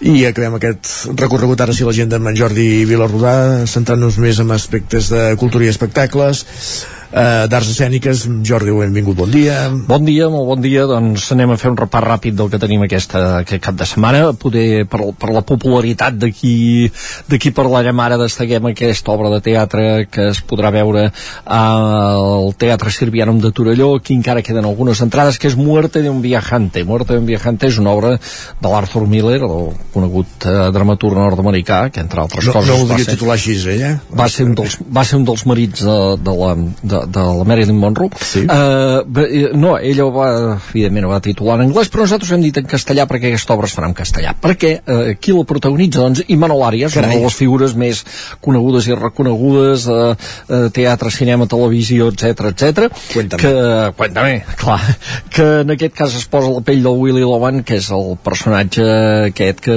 que el posen al límit aquest home que, que ha dedicat tota la seva vida a una empresa i quan és gran veu que el seu món se li ensorra i, i en fi, a partir d'aquí una tragèdia però és una grandíssima obra també, hi ha, per cert, hi actua el seu fill, el fill de l'Imanol Ah, sí? Arias, el John Arias eh, i això doncs és a les 8 del vespre d'aquest dissabte al Sirvianum que l'any passat doncs ja va portar una altra figura de l'escena espanyola, el Pepe Sagristano José Correcte. Sagristano, amb un monòleg fantàstic doncs bé, això eh, més eh, propostes que tenim pel cap de setmana, eh, aquesta la diem però em sembla que ja no queden entrades que és en Pau Vallvé avui a l'Atlàntida presentant el seu últim disc aquest Bueno, concert no, seria... queda, no queden entrades. Tot té un preu, eh? Tot té un preu. Tot té un preu. Tot té un preu. La revenda. Exacte. Parle Parlem-ne. Parlem-ne. Parlem-ne. Doncs en Pau més? serà a l'Atlàntida presentant aquest disc que eh, es, a, a, a costa de dir el nom, perquè esclar, és aquella emoticona del somriure, els dos punts i el parèntesi. Aquest és el títol del disc, que a més a més doncs, va preparar el directe a Osona, que s'ha gravat doncs, amb gent usonenca, que hi haurà gent usonenca a la banda, com en Jordi Casadesús o en Torre, que són eh, gent que col·labora amb ell musicalment des de fa temps, i que aquest concert doncs, havia de fer ja al desembre, es va d'ajornar perquè va agafar el Covid, el pobre Pau Vallvé, doncs avui aquest concert. Eh, a més a més, doncs, altres propostes que tenim interessants pel cap de setmana i també amb segell usonenc. Mm, qui pugui que no es perdi el concert que farà en Dami Álvarez eh, de Taradell el dissabte a la Jazz Cava, a les 10 del vespre. En Dami, eh, si no el segueixi, que, que es miri el, la seva música al YouTube, tant les cançons que fa ell, com les cançons que, de les que fa versions, i a més a més els vídeos que fa, que són uns vídeos boníssims, molt ben fets, en Dami és fill del conegudíssim del món roquer usonenc Oje Álvarez, que era un dels líder, podríem dir, de la banda Parking. I, de fet, el seu pare toca amb la seva banda en aquests concerts que fa ell, el fill, que està iniciant una carrera musical que jo diria que portarà lluny, que té molt talent i que mostrarà doncs, en, aquests, en aquest concert que farà el, la Jazz Cava el dissabte. Molt bé. Eh, si tenim tenim, cin- 20 segons per fer algun titular. d'una coseta més, doncs eh, destaquem que la botiga Piano Met de Vic aquest dissabte a les 7 del vespre hi ha l'ocasió de descobrir un joveníssim talent pianista que es diu Ot Ortega, que és del Berguedà, sí? que només té 15 anys Carai. i que apunta molt, molt alt, molt alt, ja té alguns premis, està en el programa de formació de l'ESMUC Júnior i és un talent que, que oferirà un concert doncs, en aquest lloc el dissabte a les 7 de la tarda. Doncs ens apuntem al nom Ot Ortega i ens sentirem per la gràcia. Jordi, bon cap de setmana. Igualment. I acabem aquí el territori 17 amb el repàs de l'agenda d'actes del cap de setmana. Us hem acompanyat des de les 9 al matí Gemma Permelletxill, Vilamala, Miquel R, Pepa Costa, Guillem Sánchez, Jaume Espuny, Isaac Muntades, Pol Graus, Roger Rams, Jordi Vilarrodà, Sergi Vives i Isaac Moreno. Bon cap de setmana a tothom i tornem dilluns. Gràcies per ser-hi. Adéu-siau. Territori 17, un magazín del nou FM. La veu de Sant Joan, Ona Codinenca i Ràdio Cardedeu amb el suport de la xarxa.